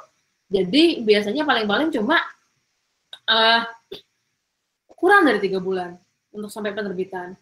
Terus uh, ya jelas nggak nggak tersedia di penerbit-penerbit buku besar dan uh, biasanya ngandelinnya online atau independent marketing jadi teman-teman masarin sendiri gitu nah biasanya ini, ini tuh udah udah termasuk ISBN ya. Jadi memang nerbitin buku tuh harus ada ISBN-nya. Buku yang nggak ada ISBN-nya jadinya nggak sah. Berikutnya soal naskah lagi nih ada editor dan editing. Uh, editor ini adalah menurut aku uh, jadi best friend kita banget lah. Semestinya ya, supposedly itu harus jadi best friend kita. Jadi orang-orang yang bener, jadi orang yang bener-bener jadi teman main kita, teman ngobrol kita soal naskah kita tentang tentang semua yang kita tulis. Tentang semua jurnal kita lah dari awal kita ngirim sampai buku itu terjual tuh sampai di marketingnya tuh sama editor banget. Jadi memang editor tuh harus jadi orang yang paling dekat sama kita itu yang pertama. Yang kedua uh, uh, setiap setiap setiap kata itu benar-benar dikoreksi sama editing editor. Kemudian uh, biasanya dia mungkin nyaranin nulis ulang di beberapa bagian ini bagian ini kayaknya kurang kuat bagian ini kayaknya bisa di dibagusin lagi. Itu biasanya dari editor juga. Terus kemudian benerin typo. Terus kemudian bahkan kalau perlu ngilangin bagian-bagian kayak di novel saya itu itu ada kok banyak bagian-bagian yang emang harus dihilangin karena mood editor kadang ini nggak terlalu penting atau ini agak kontroversial atau ini apa sih gimana gitu atau ini terlalu jelimet itu wajar dihilangin. Jadi editor tuh nggak cuma ngedit typo dan typo aja tapi lebih dari itu. Karena apa? Ya setiap buku yang terbit ya jadi tanggung jawabnya editor juga. Dan kalau di penerbit mayor sih ya editor lah yang bertanggung jawab untuk menentukan naskah yang terbit dan naskah yang nggak terbit kan. Dan dia yang harus mempresentasikan gitu makanya itu jadi tanggung jawab dia banget. Nah biasanya prosesnya tuh 1 sampai tiga bulan lah untuk uh, tahap editing doang sama sama si editor. Dari draft pertama yang teman-teman kirim sampai draft akhir yang bakal dicetak. Kayak gitu. Dan jelas harus sabar, ya karena tadi seperti yang saya jelasin, buku yang dicetak khususnya di penerbit mayor itu sudah sebenarnya tidak sepenuhnya jadi milik kita doang. Ya itu kalau jawabnya editor juga. Nanti kalau ada apa-apa yang yang ditanyain ya editornya, kenapa nerbitin ini, kenapa editingnya kayak gini, kayak gitu. Jadi benar-benar harus perhatikan. Terus tak editing tuh apa aja sih gitu kan? Ya mulai dari layout buku, nambahin konten-konten tertentu, kayak ngasih ilustrasi, ngasih foto, ngasih quote mungkin, macam-macam. Terus uh, kerja juga sama uh, cover designer gitu kan, nentuin cover yang layak dan banyak penulis yang kayak nanti uh, voting cover gitu kepada publik atau ya udah diskusi aja langsung sama si pembuat desainnya gitu kan dan ya balik lagi sebenarnya nggak semua cover tuh perlu dan bisa di voting kenapa? Bisa jadi kayak budgetnya nggak banyak. Ya karena budgetnya nggak banyak masa nyuruh si desainernya bikin banyak alternatif kemudian kamu voting? Itu kan nggak mungkin juga gitu kan. Atau misalkan nggak nggak perlu juga kayak ngapain uh, voting voting segala? Misalkan kalau misalkan uh, waktunya mepet pengen segera publish atau kamu kamu punya ego sendiri atau penerbit mikir udah cukup lah gitu. Kayak gitu dia tergantung. Terus yang terakhir yang paling penting cover itu atau semua komponen ya kayak misalnya ada konten-konten foto ada konten-konten ilustrasi dan sebagainya harus merepresentasikan cerita yang teman-teman bawa. Nggak boleh kayak tiba-tiba melenceng jauh ke mana-mana gitu. Jadi harus merepresentasikan story-nya ceritanya tone-nya, manner-nya kayak misalkan Dilan. Ceritanya tentang anak remaja yang nggak mungkin misalkan tiba-tiba uh, desainnya atau ilustrasi-ilustrasinya terlalu formal gitu kan ya harus tone dan mannernya juga harus terlihat gitu kan di bukunya itu soal pengiriman naskah dan editing nah ini mungkin yang terakhir ya soal promosi buku promosi buku di sini aku bagi jadi tiga ada segi konten konteks dan channel yang konten ini adalah kita harus nanyain dulu nih uh, buku kita tuh tentang apa sebenarnya? Terus kenapa orang-orang tuh harus baca buku kita? Nggak cuma baca bahkan. Kenapa orang-orang harus ngeluarin duit katakanlah tujuh puluh ribu, seratus ribu yang mereka bisa pakai untuk nonton film berkali-kali, yang mereka bisa pakai untuk jajanan kenyang berkali-kali, untuk cuma beli satu buku yang mana sekali buku sekali dibaca habis udah. Nggak dibaca lagi bisa jadi kan numpuk aja di rumah. Nah itu harus dicari banget nih uh, alasannya. Apa sih yang jadi poin kuat dari apa namanya tulisan kita ini? Dan itu harus teman-teman pikirkan banget. Itu yang pertama.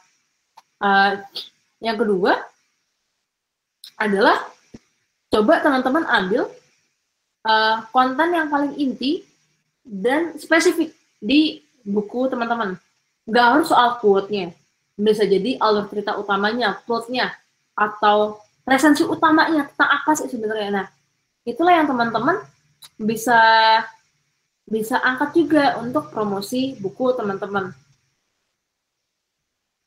Kayak gitu.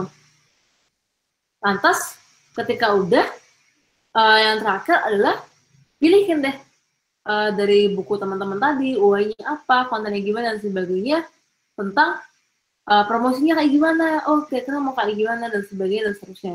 Kayak gitu.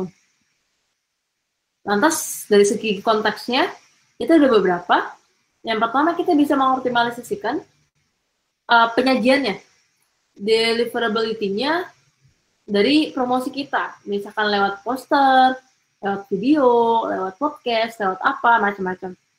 Itu perlu dipikirin. Jadi nggak melulu soal oh, poster kuat, poster kuat, poster kuat, gitu. bosenin banget gitu kan.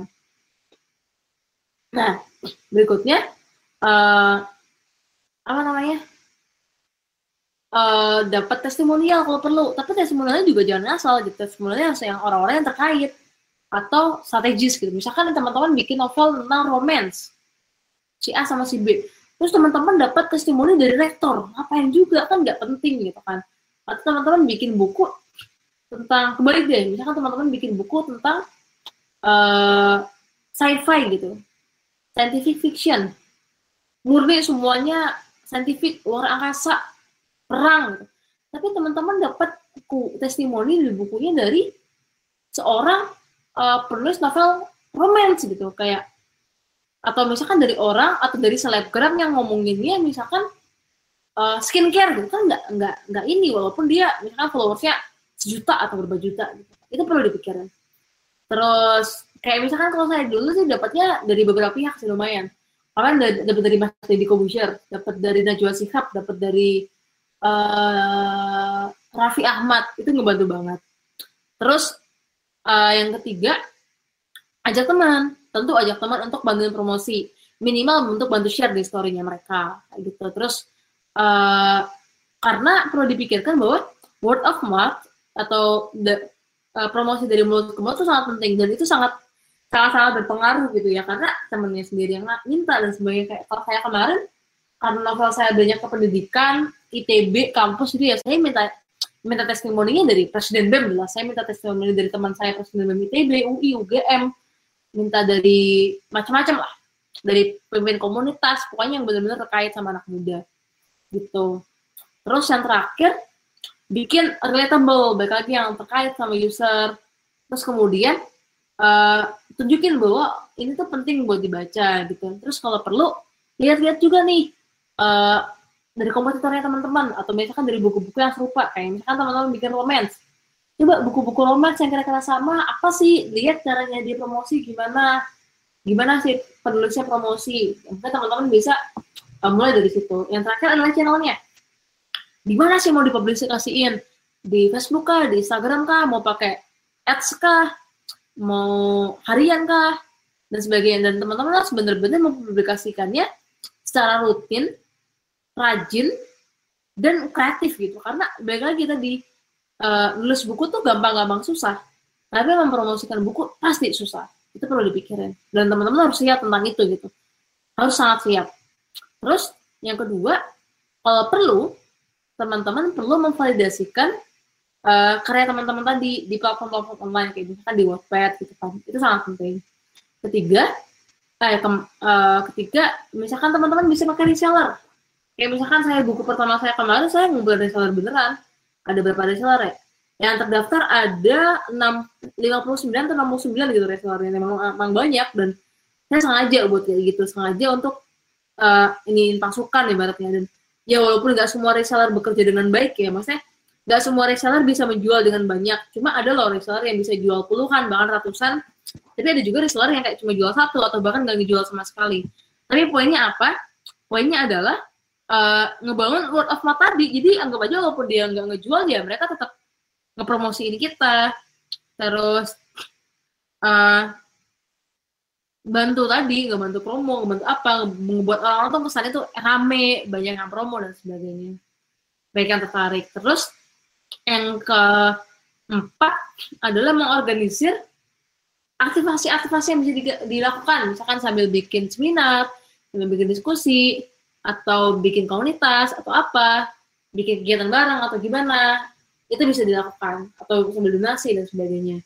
Terus yang terakhir, ya tadi mungkin bisa pakai ads, atau nyari media partner, nyari akun-akun Instagram atau akun apa yang bisa bantuin promo yang terkait dan sebagainya. Terus uh, nyari influencer mungkin yang terkait sama cerita buku kita kayak gitu. Nah ini mungkin beberapa nasihat terakhir ada dua atau tiga slide. Yang pertama adalah penulis buku yang hebat adalah pembaca buku yang lebih hebat. Jadi ketika anggap aja teman-teman mau nulis satu buku ya teman-teman nggak cukup baca 10 buku menurut saya. Bener-bener harus baca puluhan buku. Saya sendiri pun kayak misalkan sekarang lagi nulis buku tentang A gitu. Ya saya bakal nyari naskah-naskah atau buku-buku yang terkait sama yang bidangnya sama. Dan banyak saya baca nih nggak cuma satu. Biar aku udah dapat dapat plotnya gimana uh, feel-nya gimana dan sebagainya. Jadi harus jadi pembaca yang lebih hebat. Ketika teman-teman ingin jadi penulis yang hebat harus jadi pembaca yang lebih hebat. Itu perlu itu perlu banget. Kedua tadi uh, diulangin lagi perbandingan kesulitan nulis buku dan memasarkan buku. Mungkin ya ini mungkin bagi saya pribadi dua banding sepuluh. Jadi kalau dibikin sulit ya nulis buku katakanlah mungkin cuma dua lah gitu atau mungkin ya lima lah mentok-mentok. Cuma memasarkan buku tuh sangat-sangat lebih susah gitu berlipat-lipat gandanya. dan itu teman-teman harus benar-benar rela dan harus benar-benar siap untuk itu supaya gitu. Terakhir adalah uh, untuk sabar untuk tenang bahwa menulis itu bukan cuma untuk banyak-banyakkan jumlah buku. Dan saya sangat sangat sangat sepakat sama gitu. Saya punya beberapa teman-teman yang kayak ini pre, ini preferensi pribadi ya ini preferensi pribadi. Preferensi pribadi saya adalah saya tidak cuma tidak ingin dikenal uh, uh, sebagai penulis buku yang udah nulis sekian puluh buku misalkan atau bahkan sekian ratus buku saya nggak mau dikenal sebagai itu. Saya mau dikenal sebagai penulis buku nggak perlu banyak-banyak mungkin ya. Kayak uh, sedikit cuma benar-benar berdampak benar-benar dikenal benar-benar berguna benar-benar luas persebarannya. Contohnya ya lihat aja jika Rowling. Jika Rowling nulis Harry Potter kemarin katakanlah setahun cuma nulis satu gitu. Dan dari Harry Potter satu sampai itu dia dia nulis tujuh ibaratnya gitu kan. Dan uh, itu yang perlu bener-bener teman-teman pegang sama-sama gitu. Jadi bukan soal kualitas, eh sorry, bukan soal kuantitas jumlah bukunya, gitu. nggak penting juga dipromosin. Saya penulis sekian puluh buku, emang kenapa? Gitu. Emang kalau ditanya, emang bukunya apa yang yang laris? Seberapa laris? Seberapa ribu pembelinya atau apa gitu? Itu balik lagi ke sana. Ini balik lagi sih sebenarnya ya suka-suka suka-suka juga mau mem memamerkan dari segi jumlah karya yang ditulis ya bebas. Cuma kalau saya pribadi sih bakal fokus ke kuantitas. Eh sorry bakal fokus ke kualitas. Kayak gitu. Dan menurut saya sih umumnya pasti milih sih antara kualitas atau kuantitas.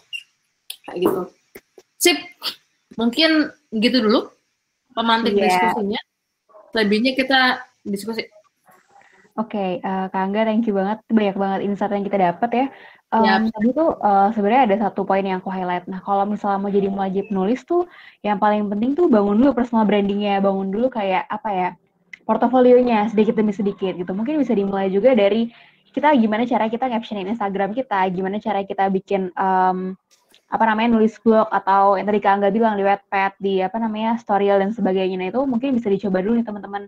Dan mungkin uh, kayak tadi Kak Angga bilang di awal banget, Kak Angga tuh udah belasan kali ditolak sama uh, publisher gitu ya Kak Angga ya gitu yeah. untuk publish buku. Nah jadi kalau misalnya uh, teman-teman di sini kayak baru uh, apa namanya baru mungkin udah berapa kali mencoba terus kayak ngerasa aduh karya gue jelek kayak tadi kayak Kak Angga bilang itu tenang aja, sabar, tenang, coba lagi gitu. ada waktu yang tepat gitu, ada saat yang tepat mungkin untuk uh, terbitin buku itu atau memang uh, kamu bukan uh, apa ya bukan skillnya atau bukan uh, jalan ninja kamu di nulis buku gitu atau jangan-jangan emang passionate kamu bukan di nulis buku kayak gitu ya kak Angga ya hmm. Itu harus aku jadiin reminder buat kawan-kawan gitu ya nah uh, oke okay. ini udah uh, lumayan banyak pertanyaan yang masuk nih kak Angga nah tapi sebelumnya aku mau nanya dulu nih kak Angga kalau untuk um, riset buku nih kak Angga biasanya atau memperdalam karakter gitu ya itu biasanya kak Angga ngelakuinnya berapa lama sih kak? tergantung sih jadi kan nggak semua karakter harus kita riset sedalam mungkin kan hmm. hmm, hmm. yang bisa diriset ya jelas tokoh utama yang paling bawah sampai paling paling mungkin kedua atau ketiga itu pertama. Jadi nggak semua harus kita bikin backstory-nya. Tapi perlu hmm. untuk kayak karakter pertama dan karakter kedua kita bikin backstory-nya. Kedua adalah sebenarnya sejauh apa kita mau bikin uh, set set dari latar set dari waktu. Contoh misalkan Dilan gitu ya. Katakanlah kita novel Dilan nggak mungkin di, kita bikin novel kayak Dilan tanpa kita tahu Bandung tahun 90-an tuh kayak gimana.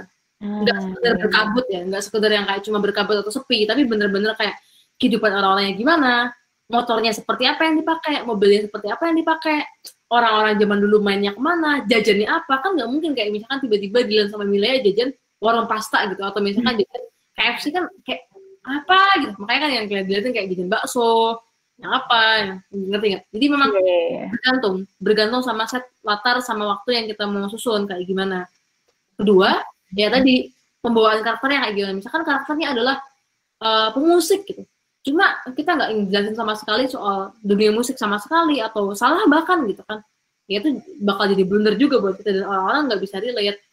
Makanya itu juga penting banget buat riset. Bahkan contoh misalkan di Lestari. Di Lestari bikin novel Arma Karsa tuh dia sampai harus ke Bantar Gerbang gitu. Harus sampai ke Bantar Gerbang untuk bener-bener nyium bau sampahnya di sana terus hmm. tahu kehidupan aktivitasnya gimana dan seterusnya. Tergantung jadi tergantung set waktu tempat dan karakternya kayak gimana. Gitu sih hmm, oke okay. nah kalau untuk ini sih kak uh, apa namanya kalau uh, tadi kan kak bilang ya ada proses yang cukup lama sama editor nah setelah kita nge uh, ngasih naskah kita ke publisher gitu ya itu udah bukan jadi tanggung jawab pribadi nah gimana caranya deal sama editor atau kayak rasa ini editor yang cocok sama gue gitu? Sebenarnya kita nggak bisa spesifik milih editor sih. Hmm. Jadi ketika kita ngirim buku, kebanyakan ke A dan nanti atau misalkan ditawarin ya itu ya editor kita ya itu gitu. Ya paling-paling cara yang bisa kita lakukan adalah ya menjalin menjalin hubungan baik tadi. Kayak gitu sih. Oke. Okay. jadi uh, berkawan sama editor editor as your best friends gitu ya tadi kang harus bangun komunikasi sih. Oke okay, nah uh, ini uh, ini nih kak. Terakhir dari aku. Gimana cara nentuin uh, segmen pembacanya gitu. Nah itu kapan nentuin segmen pembacanya nih kak jangan sampai kita udah nulis terus salah target gitu loh kak. Hmm, ya ya, kebayang kebayang. Kalau menurut aku sih gini, mungkin sejak kita nulis premis, kan hmm. ketahuan karakternya siapa, masalahnya gimana dan sebagai contoh, misalkan aku bikin uh, cerita tentang anak SMA, cuma anak SMA yang kayak gimana? Misalkan aku bikin anak SMA yang anak osis gitu, dan pokoknya ceritanya tentang kehidupan organisasi banget, terus pacaran juga sama anak organisasi juga, misalkan, terus kerjanya bikin event gitu, misalkan ya mungkin nggak relate sama anak-anak SMA yang lain yang kayak nggak nggak organisasi kayak fokus suka nonton drama Korea aja atau hmm. kayak senang-senang doang kebayang nggak? Iya yeah, kebayang. Jadi memang depends tergantung. Nah itu bisa kelihatan ketika kita udah nyusun premisnya. Siapa sih karakternya? Masalah apa yang bakal timbul? Tujuan dia apa dan sebagainya itu bakal ketahuan gitu. Oke, jadi uh, pada saat kita uh, bikin premis tuh juga sebenarnya jadi apa ya? Jadi fondasi awal kita untuk nentuin gimana gaya bahasa dan sebagainya gitu kali ya kak? Benar-benar. Untuk menguatkan. Nah, uh, oke. Okay. Oke kawan-kawan, terima kasih pertanyaannya. Yang di YouTube juga ada uh, pertanyaan. Nanti insya Allah kalau sempat aku bacakan, tapi aku bakal prioritaskan yang ada di uh, Meet terlebih dahulu ya kawan-kawan. Nah, pertama dari Gorontalo dari Ita. Halo Ita, apakah harus selalu ada bagian karakter seperti yang dijelaskan oleh Kak Angga tadi? Saya kan tertariknya ke kartun nih kak gitu. Misalkan kartun Shinchan, itu kan sepertinya tidak ada dua tokoh protagonis dan antagonis nih kak. Oh, Shinchan tuh justru ada loh. Shinchan tuh tetap ada, nggak mungkin nggak ada. Doraemon ada, Shinchan ada. Jadi gini, uh, karakter antagonis dan protagonis itu baik lagi itu tidak selamanya harus berbentuk pahlawan dan penjahat. Hmm. Contoh, Shinchan itu bisa jadi karakter antagonis eh protagonisnya Shinchan gitu protagonisnya bisa jadi misalkan kepala sekolahnya dia atau kadang-kadang bisa jadi ibunya dia kebayang gak? bisa jadi bapaknya dia bisa jadi bisa jadi anjingnya juga kebayang gak? jadi yeah, yeah, iya. episode ini bisa jadi berbeda gitu oke misalkan episode ini aku mau bikin misalkan Sinchan uh, berbuat nakal di sekolahnya dan diomelin sama kepala sekolahnya dan Sinchan berusaha untuk ngumpet-ngumpet agar gak ketahuan sama si kepala sekolahnya nah yang jadi antagonis siapa kepala sekolahnya dong hmm. atau misalkan dia di rumah dia hari Minggu pagi dia nggak mau bangun, dia nggak mau bangun ibunya, kamarnya berantakan, tapi Shinchan nggak mau nggak mau bersihin. Uh, antagonisnya siapa? Ibunya. Jadi ya di situ sih sebenarnya. Pokoknya seseorang yang bertentangan nih sama si karakter utama. Hmm, oke. Okay. Nah, uh, selanjutnya dari Elang di Surabaya, uh, bagaimana penerapan sequence untuk alur cerita yang maju mundur nih kak, atau alur campuran? Oke, okay sebenarnya sama aja sebenarnya sama aja. Jadi misalkan teman-teman ketika udah kayak misalkan bikin nih bikin untuk uh, bikin cerita tadi dengan sequence masing-masing. Nah bisa jadi ketika katakanlah di sequence untuk introduction yang kedua. Jadi introduction yang kedua adalah teman-teman mengingat sesuatu di belakang yang akhirnya nanti teman-teman dapetin lagi di sekarang. Contoh misalkan uh, di sequence keempat gitu ya teman-teman ketemu tokoh A penjelasan di toko A kan bisa jadi nggak dijelasin di di sektor sempat. Maksudnya nggak dijelasin di kondisi sekarang. Bisa jadi dia sebenarnya adalah teman zaman dulu yang teman-teman udah lupa banget nih. Nah, di situ teman-teman bisa ingat-ingat lagi, oh ternyata siapa sih si, si tokoh baru ini yang dia di sekolah sempat. Oh ternyata dulu dia dia teman aku kayak gini. Oh dia ternyata kayak gini, dia bisa kayak gini, dia ngebantuin aku kayak gini dan sebagainya. Jadi sebenarnya sama aja. Oke, siap. Nah, ini um, ini pertanyaan umum yang ditanyakan kepada penulis nih dari Ita Jakarta dan dari Yuga di Surabaya. Mereka nanya pertanyaan yang sama. Gimana uh, cara Kangga mengatasi writer block? Hmm. Gitu. Nah, terus sama pertanyaan tambahan dari Ita, hmm, apa hal yang biasa dilakukan untuk menghadapi hal ini? Dan menurut Kangga, gimana cara membangun sebuah cerita yang menarik? Oke, okay. untuk writer block, itu jelas yang pertama, uh, kalau menurut aku pribadi ya, jadi sebenarnya beda-beda bagi tiap orang. Ada penulis-penulis yang mikir writer block tuh ya justru harus dilawan gitu, biar kita nggak nunda-nunda, biar kita nggak ini. Tapi ada juga penulis mikir ya udah santai dulu aja, uh, ditunda sebentar gitu. Nah, jadi sebenarnya yang jadi poinnya adalah jangan sampai writer's block ini menghentikan kita menulis dalam artian ah aku writer's block nih kemudian nulis lagi setahun kemudian itu mah nggak iya. jadi yang perlu dibikin adalah uh, oke okay, ini kita berhenti. Tapi sampai kapan nih? Nah gitu. Jadi writer's block itu anggap aja memang kita lagi butuh jeda atau kita butuh ide tambahan dan sebagainya. Fokusnya ke situ. Jadi uh, itu satu. Yang kedua bisa jadi kita tunda dulu nih baca buku apa dan sebagainya. Contoh nih aku. Aku tuh biasanya di tahap awal sebelum aku mulai nulis aku tuh pasti baca buku dulu biasanya. Baca beberapa buku yang terkait. Ketika udah sambil jalan sambil jalan sambil jalan di tengah-tengah aku baca buku lagi. Ketika udah kelar udah kelar nih aku tinggal dulu naskahnya katakanlah seminggu dua minggu nggak aku baca sama sekali aku biarin aku tinggalin. Terus aku sambil baca buku yang lain. Ketika udah aku baca lagi naskah aku aku review dari awal. Biasanya hmm. pasti ada aja yang kayak kita mikir apaan sih kok kita nulisnya kayak gini? Oh, apaan sih kok ceritanya kayak gini? Kebayang akan yeah, selalu yeah. gitu. Karena pasti draft pertama tuh nggak pernah nggak pernah sempurna. Justru itu kita perlu banyak revisi minimal revisi diri kita sendiri jadi kayak gitu sih yang penting tuh ditentuin kapan kita mulainya lagi terus cara kita berhenti ketika writer's block itu ngapain gitu nah menurut aku salah satu yang paling enak kayaknya referensi nyari referensi gimana ya baca buku lagi gitu hmm. kalau bikin cerita yang menarik tuh menurut kak enggak gimana tuh kak gimana caranya bisa ngebangun sebuah cerita yang menarik. Nah, Jadi sebenarnya udah dibahas ya kak. Sebenarnya uh, tadi komponen antara karakter, komposisi antara karakter dan problem. Tadi karakternya harus kuat dari segi uh, karakternya dia, backstory-nya dia, tujuan dia apa, dan sebagainya. Dan juga problemnya, problemnya ya relatable, problemnya ada time sensitif, kemudian problemnya juga risky dan sebagainya. Sebenarnya di antara dua itu. Itu sih, harus benar-benar antara karakter driven and problem driven gitu. Oke, okay, uh, eh, ini selanjutnya dari Nisa di Jogja. Hai hmm? Kak Angga, pada pembagian karakter, sebenarnya berapa jumlah karakter ideal untuk masing-masing bagian kayak background, uh, shadow, supporting, dan uh, top karakter agar nggak terlalu banyak uh, dan mengganggu karakter utama? Hmm, tergantung. Jadi memang nggak ada nggak ada ketentuan sih sebenarnya tergantung panjang pendeknya cerita teman-teman. Contoh di Harry Potter, wah dia mah karakternya banyak banget gitu kan. Contoh lagi misalkan di One Piece, banyak banget karakternya sangat banyak bahkan bahkan orang-orang sendiri pun nggak hafal ini sebenarnya tergantung tergantung sama teman-teman ceritanya modelnya kayak gimana cuma yang jelas tentu uh, ya proporsional aja. Nah cara untuk ngerti proporsionalnya gimana? Ya teman-teman apa namanya? Uh, biasain baca buku bacain referensi-referensi nanti juga kerasa kok. Oh ini kayaknya si top karakternya atau karakter pendukung utamanya kayak terlalu banyak deh. Masa dia punya sahabat 50 gitu? Kan aneh kan? Atau misalkan dia punya sahabat 10 kayak aneh. Biasanya karakter utama paling tim pendukungnya kayak cuma kayak tiga empat mentok-mentok kayak lima gitu kan.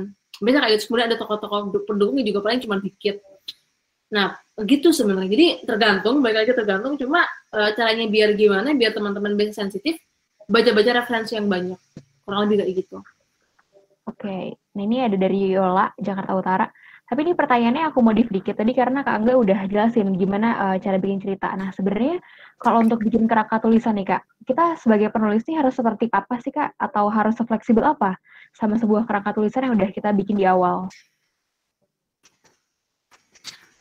Halo, halo. Halo, ya. Nggak kedengeran, Del.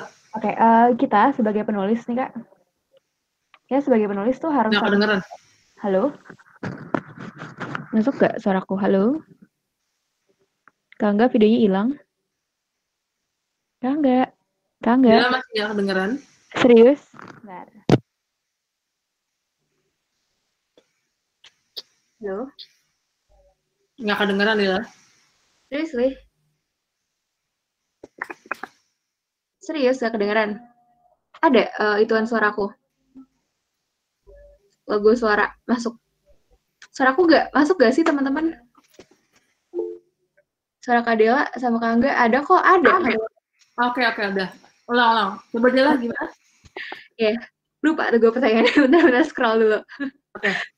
Jadi um, tadi ada yang nanya mengenai kerangka tulisan, nah, tapi aku modif sedikit pertanyaannya dari Yola di Jakarta Utara. Nah. Sebenarnya kan sebelum kita nulis tuh kita mesti bikin kerangka tulisan ya kak, atau kayak guidelines tadi kan. Nah, itu seberapa uh, harus patuh sih se si penulis itu sama kerangka tulisan atau seberapa uh, fleksibel sama kerangka tulisan itu kak? Ya fleksibel aja sebenarnya cuma sebenarnya gini ini kan tadi baru paradigma aku ya. Banyak juga ada sebagian penulis yang sama sekali nggak pakai kerangka tulisan, jadi dia ngalir aja. Ya kelemahannya bisa jadi di tengah jalan dia tersesat. Gitu. Kok dia Hmm. udah tiba sampai sini, terus dia nggak tahu abis ini mau dikemanain, bisa jadi vakum dan sebagainya. Dan aku lebih khawatir sama itu sih. Jadi aku pribadi lebih suka bikin kerangka tulisan. Cuma eh, sebenarnya nanti balik lagi, ketika nanti perubahan yang kita buat dari kerangka tulisan ini benar-benar major atau enggak satu atau minor aja kalau cuma minor malah memperbagus nggak masalah. Cuma kalau ternyata major misalkan major nih. Kalau major ya dipertanyakan lagi aja ke, ke komponen karakter sama problem. Misalkan kita mau bikin uh, problemnya berubah. Ya udah ditanya nih problemnya apakah benar-benar risky apakah benar-benar time sensitif apakah benar-benar relatable? Atau karakter yang berubah? Apakah karakternya benar-benar punya tujuan yang jelas punya backstory yang jelas punya uh, acquired ataupun own yang jelas gitu kan. Itu sebenarnya balik lagi ke sana. Lebih ke situ sih. Terus kemudian apakah teman-teman mau ngerevisi semuanya atau endingnya nanti bakal gimana? Kalau mau benar-benar ngubah ya dibikin sekalian sama endingnya. Sequence bakal kayak gimana nih? Jangan sampai ntar udah dirubah eh ternyata belum kebayang nanti endingnya kayak gimana ujung-ujungnya jelek juga. Kayak gitu. Oke. Sip. Nah itu em, sebenarnya kan kalau misalnya kita makin sering berubah tulis, eh kerangka tulisan itu ngaruh juga nggak sih kak sama kayak proses kita nulis kan ya? Nah itu malah nggak selesai-selesai dong kalau misalnya kita fleksibel banget sama kerangka tulisan kita tuh kak. Nah, makanya sebenarnya balik lagi ke kitanya gitu kan. Balik lagi ke kitanya apakah benar-benar tadi si perubahannya signifikan atau enggak. Hmm. Kalau aku sendiri sih biasanya gini, aku sendiri biasanya bakal fokus untuk ngefixin kerangka tulisan terlebih dahulu. Kebayang nggak? Iya, bayang. Jadi ketika udah jadi ini kerangka tulisan pertama, aku nggak bakal tiba-tiba nulis itu. Misalkan sekarang nih, sekarang aku lagi nulis sesuatu. Ya aku beneran prosesnya panjang gitu kayak bisa jadi ber, berminggu-minggu, bisa jadi berbulan-bulan untuk fiction nih. Kerangka tulisannya kayak gimana sehingga nanti ketika dia di akhir ketika udah mulai nulis, udah mulai nulis panjang, ya udah bener-bener matang gitu dan ya paling cuma pendetailan-pendetailan kecil, cuma nambah-nambahin beat atau scene-scene tertentu yang kayak menarik dan sebagainya. Kayak gitu sebenarnya. Hmm. Jadi mending fokusin dulu, fixin dulu sih kerangka tulisannya dan jangan buru-buru. Kalau perlu cerita dulu ke orang-orang. Hmm, Nah ini eh menarik nih kayak cerita ke orang-orang ya. Nah tadi tuh ada dari Ica, Jakarta. Kak Angga, kalau kita penulis amatir, bisa nggak sih kita hire jasa editor? Soalnya saya nggak punya kenalan untuk diajak diskusi atau ngasih eh, feedback yang berbobot. Bayar siapa? Eh hire jasa editor. Ya bisa aja. Bisa aja, cuma perlu dipastiin. Editornya kayak gimana nih? Kan tadi aku bilang. Eh, ada editor yang mikir bahwa mereka editing cuma sekedar ngurusin typo doang gitu. Hmm. Apakah kita mau kayak gitu? Aku sih nggak nggak mau gitu. Karena kalau typo mah eh, bisa diurus sama editor lain atau aku bisa urus sendiri. Aku pribadi sih lebih suka dibaca sama orang-orang yang emang eh, relate sama masa itu. Yang relate gitu, nggak harus teman dekat. Misalkan aku bikin satu buku. Ya aku bakal bagi ke misalkan tiga atau lima orang yang memang bener-bener kira-kira eh, suka sama ini. Aku tanyain sama mereka, minta pendapat mereka kayak gitu. Jadi eh, nggak harus dibayar nyari bayar editor juga sih, gitu sih. Ngeluarin kos ya kak. Oh, benar. Nah ini eh, selanjutnya dari Anita di Surabaya. Eh, Kak mau tanya gimana cara minimalisir plagiat? Apakah dengan eh, pendaftaran buku ke hak cipta sudah cukup? Dan gimana caranya kalau kita ingin eh, publikasi buku sendiri tanpa Mayer ataupun indie label eh, agar keuntungannya maksimal? Hmm, cara untuk pertama, eh tadi pertama apa sorry? Eh, mau tahu gimana cara minimalisir plagiat? Oke. Sebenarnya nggak ada yang benar-benar baru di dunia ini sekarang. Nggak ada yang benar-benar baru. Jadi mau teman-teman bikin plot cerita macam apa pun, pasti ada satu potong dua potong yang pernah dibuat. Hmm, benar. Itu pertama. Kedua, eh, caranya adalah ya benar-benar kalau perlu didaftarkan di ISBN gitu kan. Jadi atau enggak ya ketika udah terdaftar ISBN nah, maka udah terdaftar hak cipta dong. Jadi udah milik teman-teman. Gitu. Misalkan eh, ini yang kayak gimana tadi teman-teman nggak bisa sepenuhnya eh, bilang bahwa ketika ada orang yang bikin plot yang sama maka berarti plagiat nggak juga. Contoh sekarang gini, orang bikin orang pacaran kan masalahnya kan mulai itu, itu itu itu lagi sebenarnya. Kan Benar. A jadian sama si B tiba-tiba ada putus atau A sama si B tiba-tiba ada orang ketiga sebenarnya kamu tonton di situ doang kan sebenarnya dan nggak bisa kita bilang ih si novel ini sama ini gitu ya sama saya nggak bisa juga gitu kan karena ya moto-moto di situ aja dan udah begitu banyak karya tulisan fiksi dan non fiksi yang diciptakan di bumi ini gitu. Kayak gitu yang itu yang pertama yang kedua uh, teman-teman memastikan sih bahwa teman-teman mempublikasikan atau menyebarkan karya teman-teman dengan hati-hati. Jadi kalau misalkan ke Wattpad uh, Wattpad itu udah udah ada perlindungannya sih. Jadi nggak masalah gitu. dan teman-teman ada bukti fisiknya bahwa hmm. teman-teman benar-benar nulis itu gitu kan.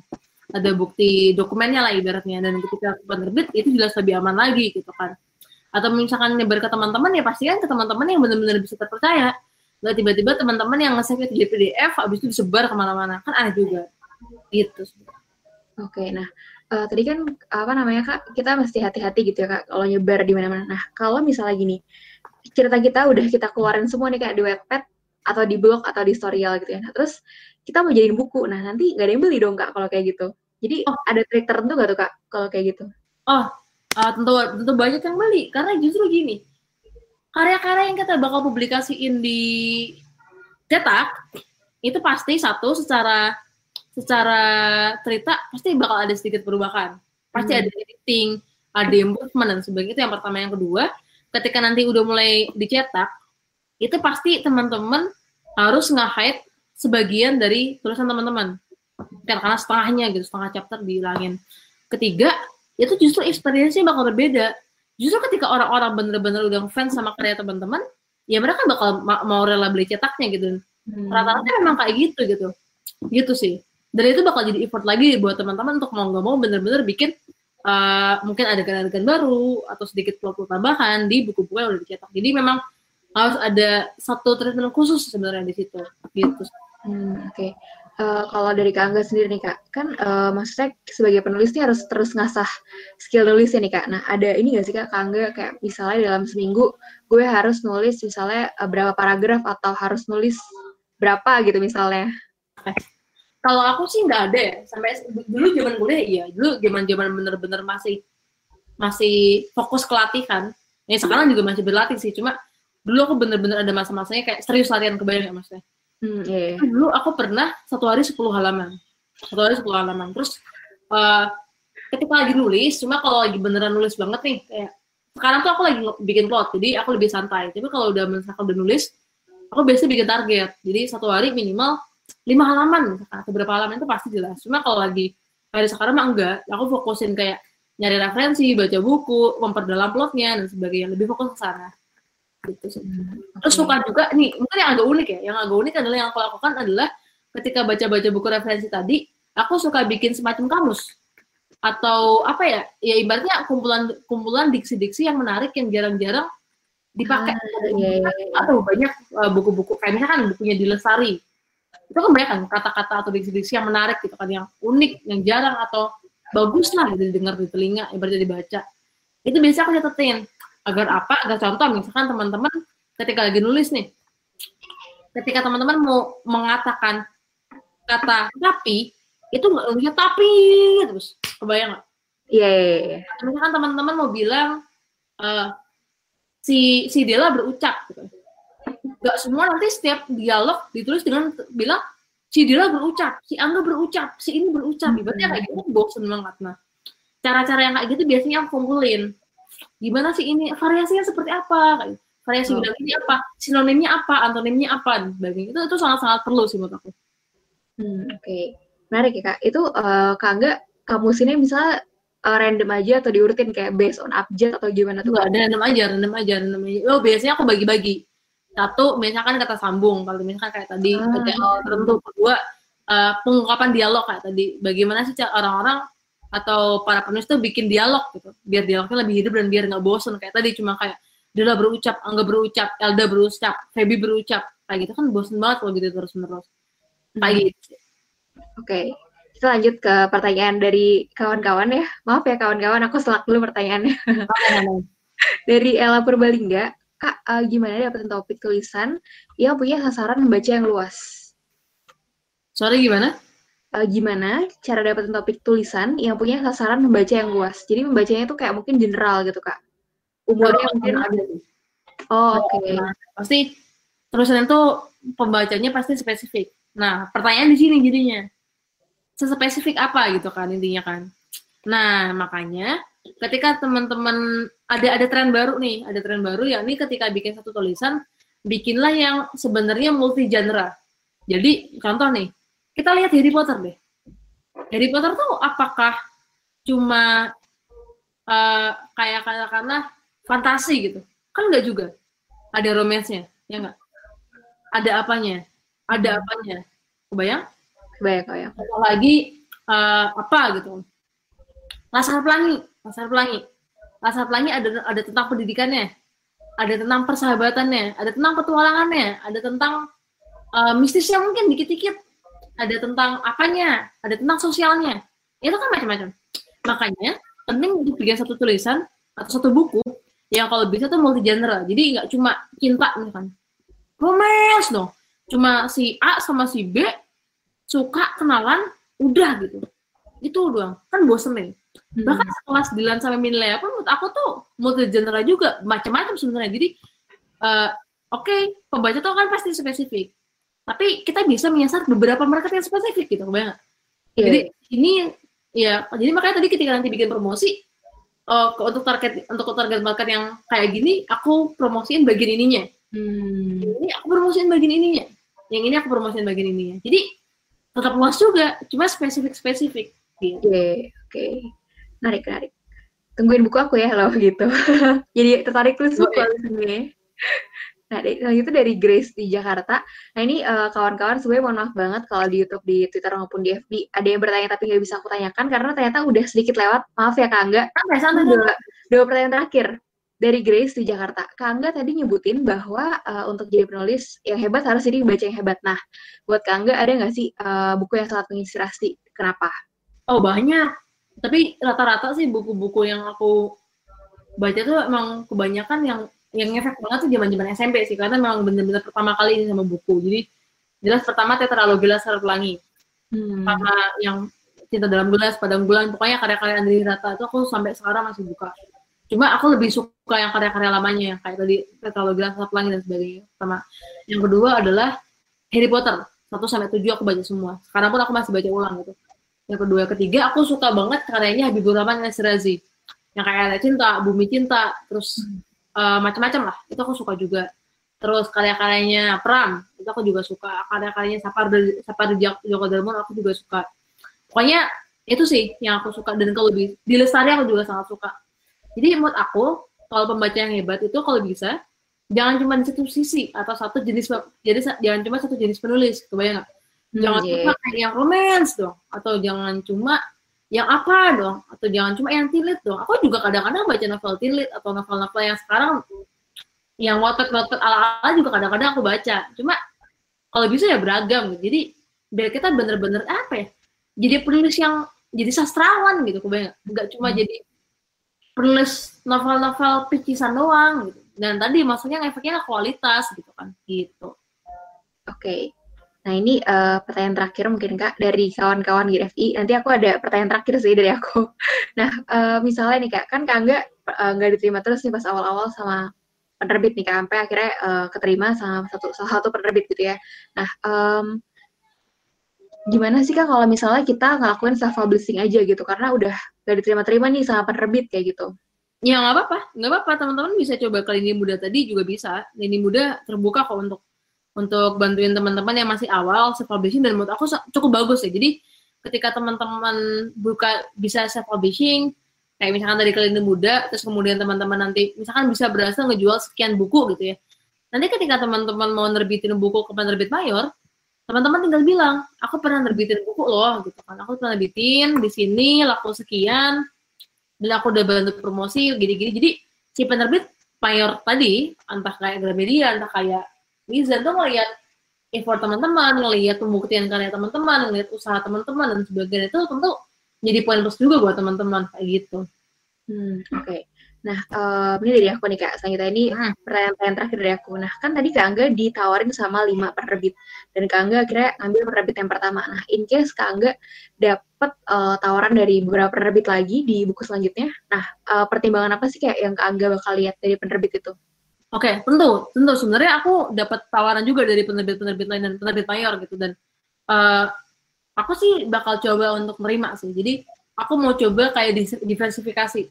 kan kan sekarang kan dua nih yang sama aku ada satu lagi nih tiga yang ngedeketin juga nah aku pengen nyoba juga untuk apa untuk ngebandingin sebenarnya hmm. uh, dari segi editornya segi manajemennya segi publikasinya dan sebagainya terus ntar kira-kira ternyata bagus yang mana gitu itu yang pertama sih yang kedua tentu kalau udah di tahap sekarang kalau bisa ya mempertimbangkan penerbitnya yang apa ya yang benar-benar kredibel, yang benar-benar cukup besar dan untuk membantu karena ngefek banget. Walaupun sebenarnya poin besarnya juga yang paling penting ya karyanya kita, dirinya kita. Cuma ya kan secara nggak langsung kan penerbit juga juga sangat berpengaruh ya sama ini kita. Itu sih dan yang dan yang terakhir sebenarnya yang paling penting adalah bagaimana mindset si penerbit tersebut terhadap kita dan karya kita. Itu paling hmm. penting. Jangan sampai kita cuma kayak dijadiin uh, ibaratnya kayak penyumbang naskah habis itu udah gitu. Sini gue jualin habis itu udah ya gitu kan. Misalkan kayak gitu doang. Atau kayak misalkan malah kita terlalu banyak dituntut atau kita kayak terlalu banyak uh, di apa dan kita kayak malah jadi capek sendiri gitu kan. Malah kita jadi capek jualan sendiri sementara penerbitnya nggak terlalu bantuin atau misalkan kayak gimana gimana jadi itu sangat perlu dipikirin sih. Itu yang terakhir ya. Mindset mindset penerbit itu tuh terhadap kita kayak gimana gitu sih. Sebenarnya pada saat kita jadi penulis kita juga harus main mindset bahwa nggak um, tahu ya kak ini in my opinion ya. Hmm. kalau misalnya terbitin buku tuh bukan hanya untung doang iya nggak sih kak? Oh, harus benar, gitu. benar benar. Benar benar. Karena ya tadi nulis buku tuh lebih susah jualnya tuh sangat sangat sangat lebih susah dan aku sih ngeliat buku tuh nggak cuma makanya tadi nggak cuma dari segi jumlah kayak banyak banyakan buku. Aku aku jujur aku nggak bisa impress atau nggak bisa terkesan lah dengan kayak orang tiba-tiba bila mereka bikin berapa puluh buku mah apa ya? Nah makanya yang penting itu dampaknya satu jelas. Kayak, seberapa berdampak sih karya kita dan seberapa luas dampaknya. Dampak seperti apa yang mau kita ciptakan. Itu sebenarnya yang jadi penting. Gitu. Hmm. kalau soal terkenal atau jadi populer itu mah kayak itu pasti akan datang dengan sendiri dan makanya nggak perlu dipikirin gitu. Nah benar. Yang penting berkarya ya kak. Berkarya dan berdampak ya tadi mantap. Nah oke okay, uh, eh, kak enggak um, terakhir nih kak, mau dong kak rekomendasi buku yang lagi kak Angga uh, baca akhir-akhir ini buat kita semua. Aku justru jujur lagi baca beberapa buku ulang sih. Aku lagi uh, baca Harry Potter. Mana ya Harry Potter ya? Aku jadi lost laptop ya. Mana? Oh ya ini Harry Potter. Aku lagi baca Harry Potter. Aku baca ulang Harry Potter. Aku baca ulang Harry Potter. Aku baca ulang karyanya Andre Hirata. Aku baca ulang karyanya Terelia. Terelia aku juga suka. Ada beberapa yang aku suka gitu sih aku lagi baca Harry Potter juga ulang Oke, okay, nah kalau mau beli buku Kangga bisa dibeli di mana nih? Minus bisa dibeli di online shop, teman-teman bisa bisa cek Shopee, cek Tokopedia, ketik aja Angga Fauzan. Itu banyak yang ngejual atau mungkin di Mizan Store. Uh, teman-teman bisa cek. Raditya Dika suka, Raditya Dika aku juga suka. Buku-bukunya ringan, menarik, santai kayak bener-bener blog. Hmm, oke. Okay. Oke, okay, uh, eh, kawan-kawan, uh, dan Kak Angga, kayaknya sudah aku cukupkan dulu pertanyaan dari aku dan uh, ini jangan ini cara mempublikasikan buku sendiri tanpa publisher nggak bisa karena kamu butuh ISBN. Kalau enggak ntar malah bermasalah dari segi hukum. Makanya okay, okay. ada ada publisher walaupun dia indie. Hmm. Bisa teman-teman bikin ini sendiri, sebar jual banyak wah itu kalau ketahuan bisa bahaya sih. Oh, Oke, okay. siap. Oke, okay, uh, eh, kawan-kawan di YouTube, di Twitter, di FB, mohon maaf banget. Kalau pertanyaannya belum bisa aku tanyakan, tapi nanti bisa juga uh, mungkin uh, eh, DM ke Kak Angga, insya Allah kalau Kak Angga luang mungkin bisa dibalas sama Kak Angga. Tadi username at Angga Fauzan, nah itu bisa dicek juga di apa postingan GFI, di tag kok Kak Angganya, tenang aja gitu. Nah, um, Kak Angga, terima kasih banyak, terima kasih kawan-kawan itu, Twitter, dan FB yang sudah menyaksikan hari ini.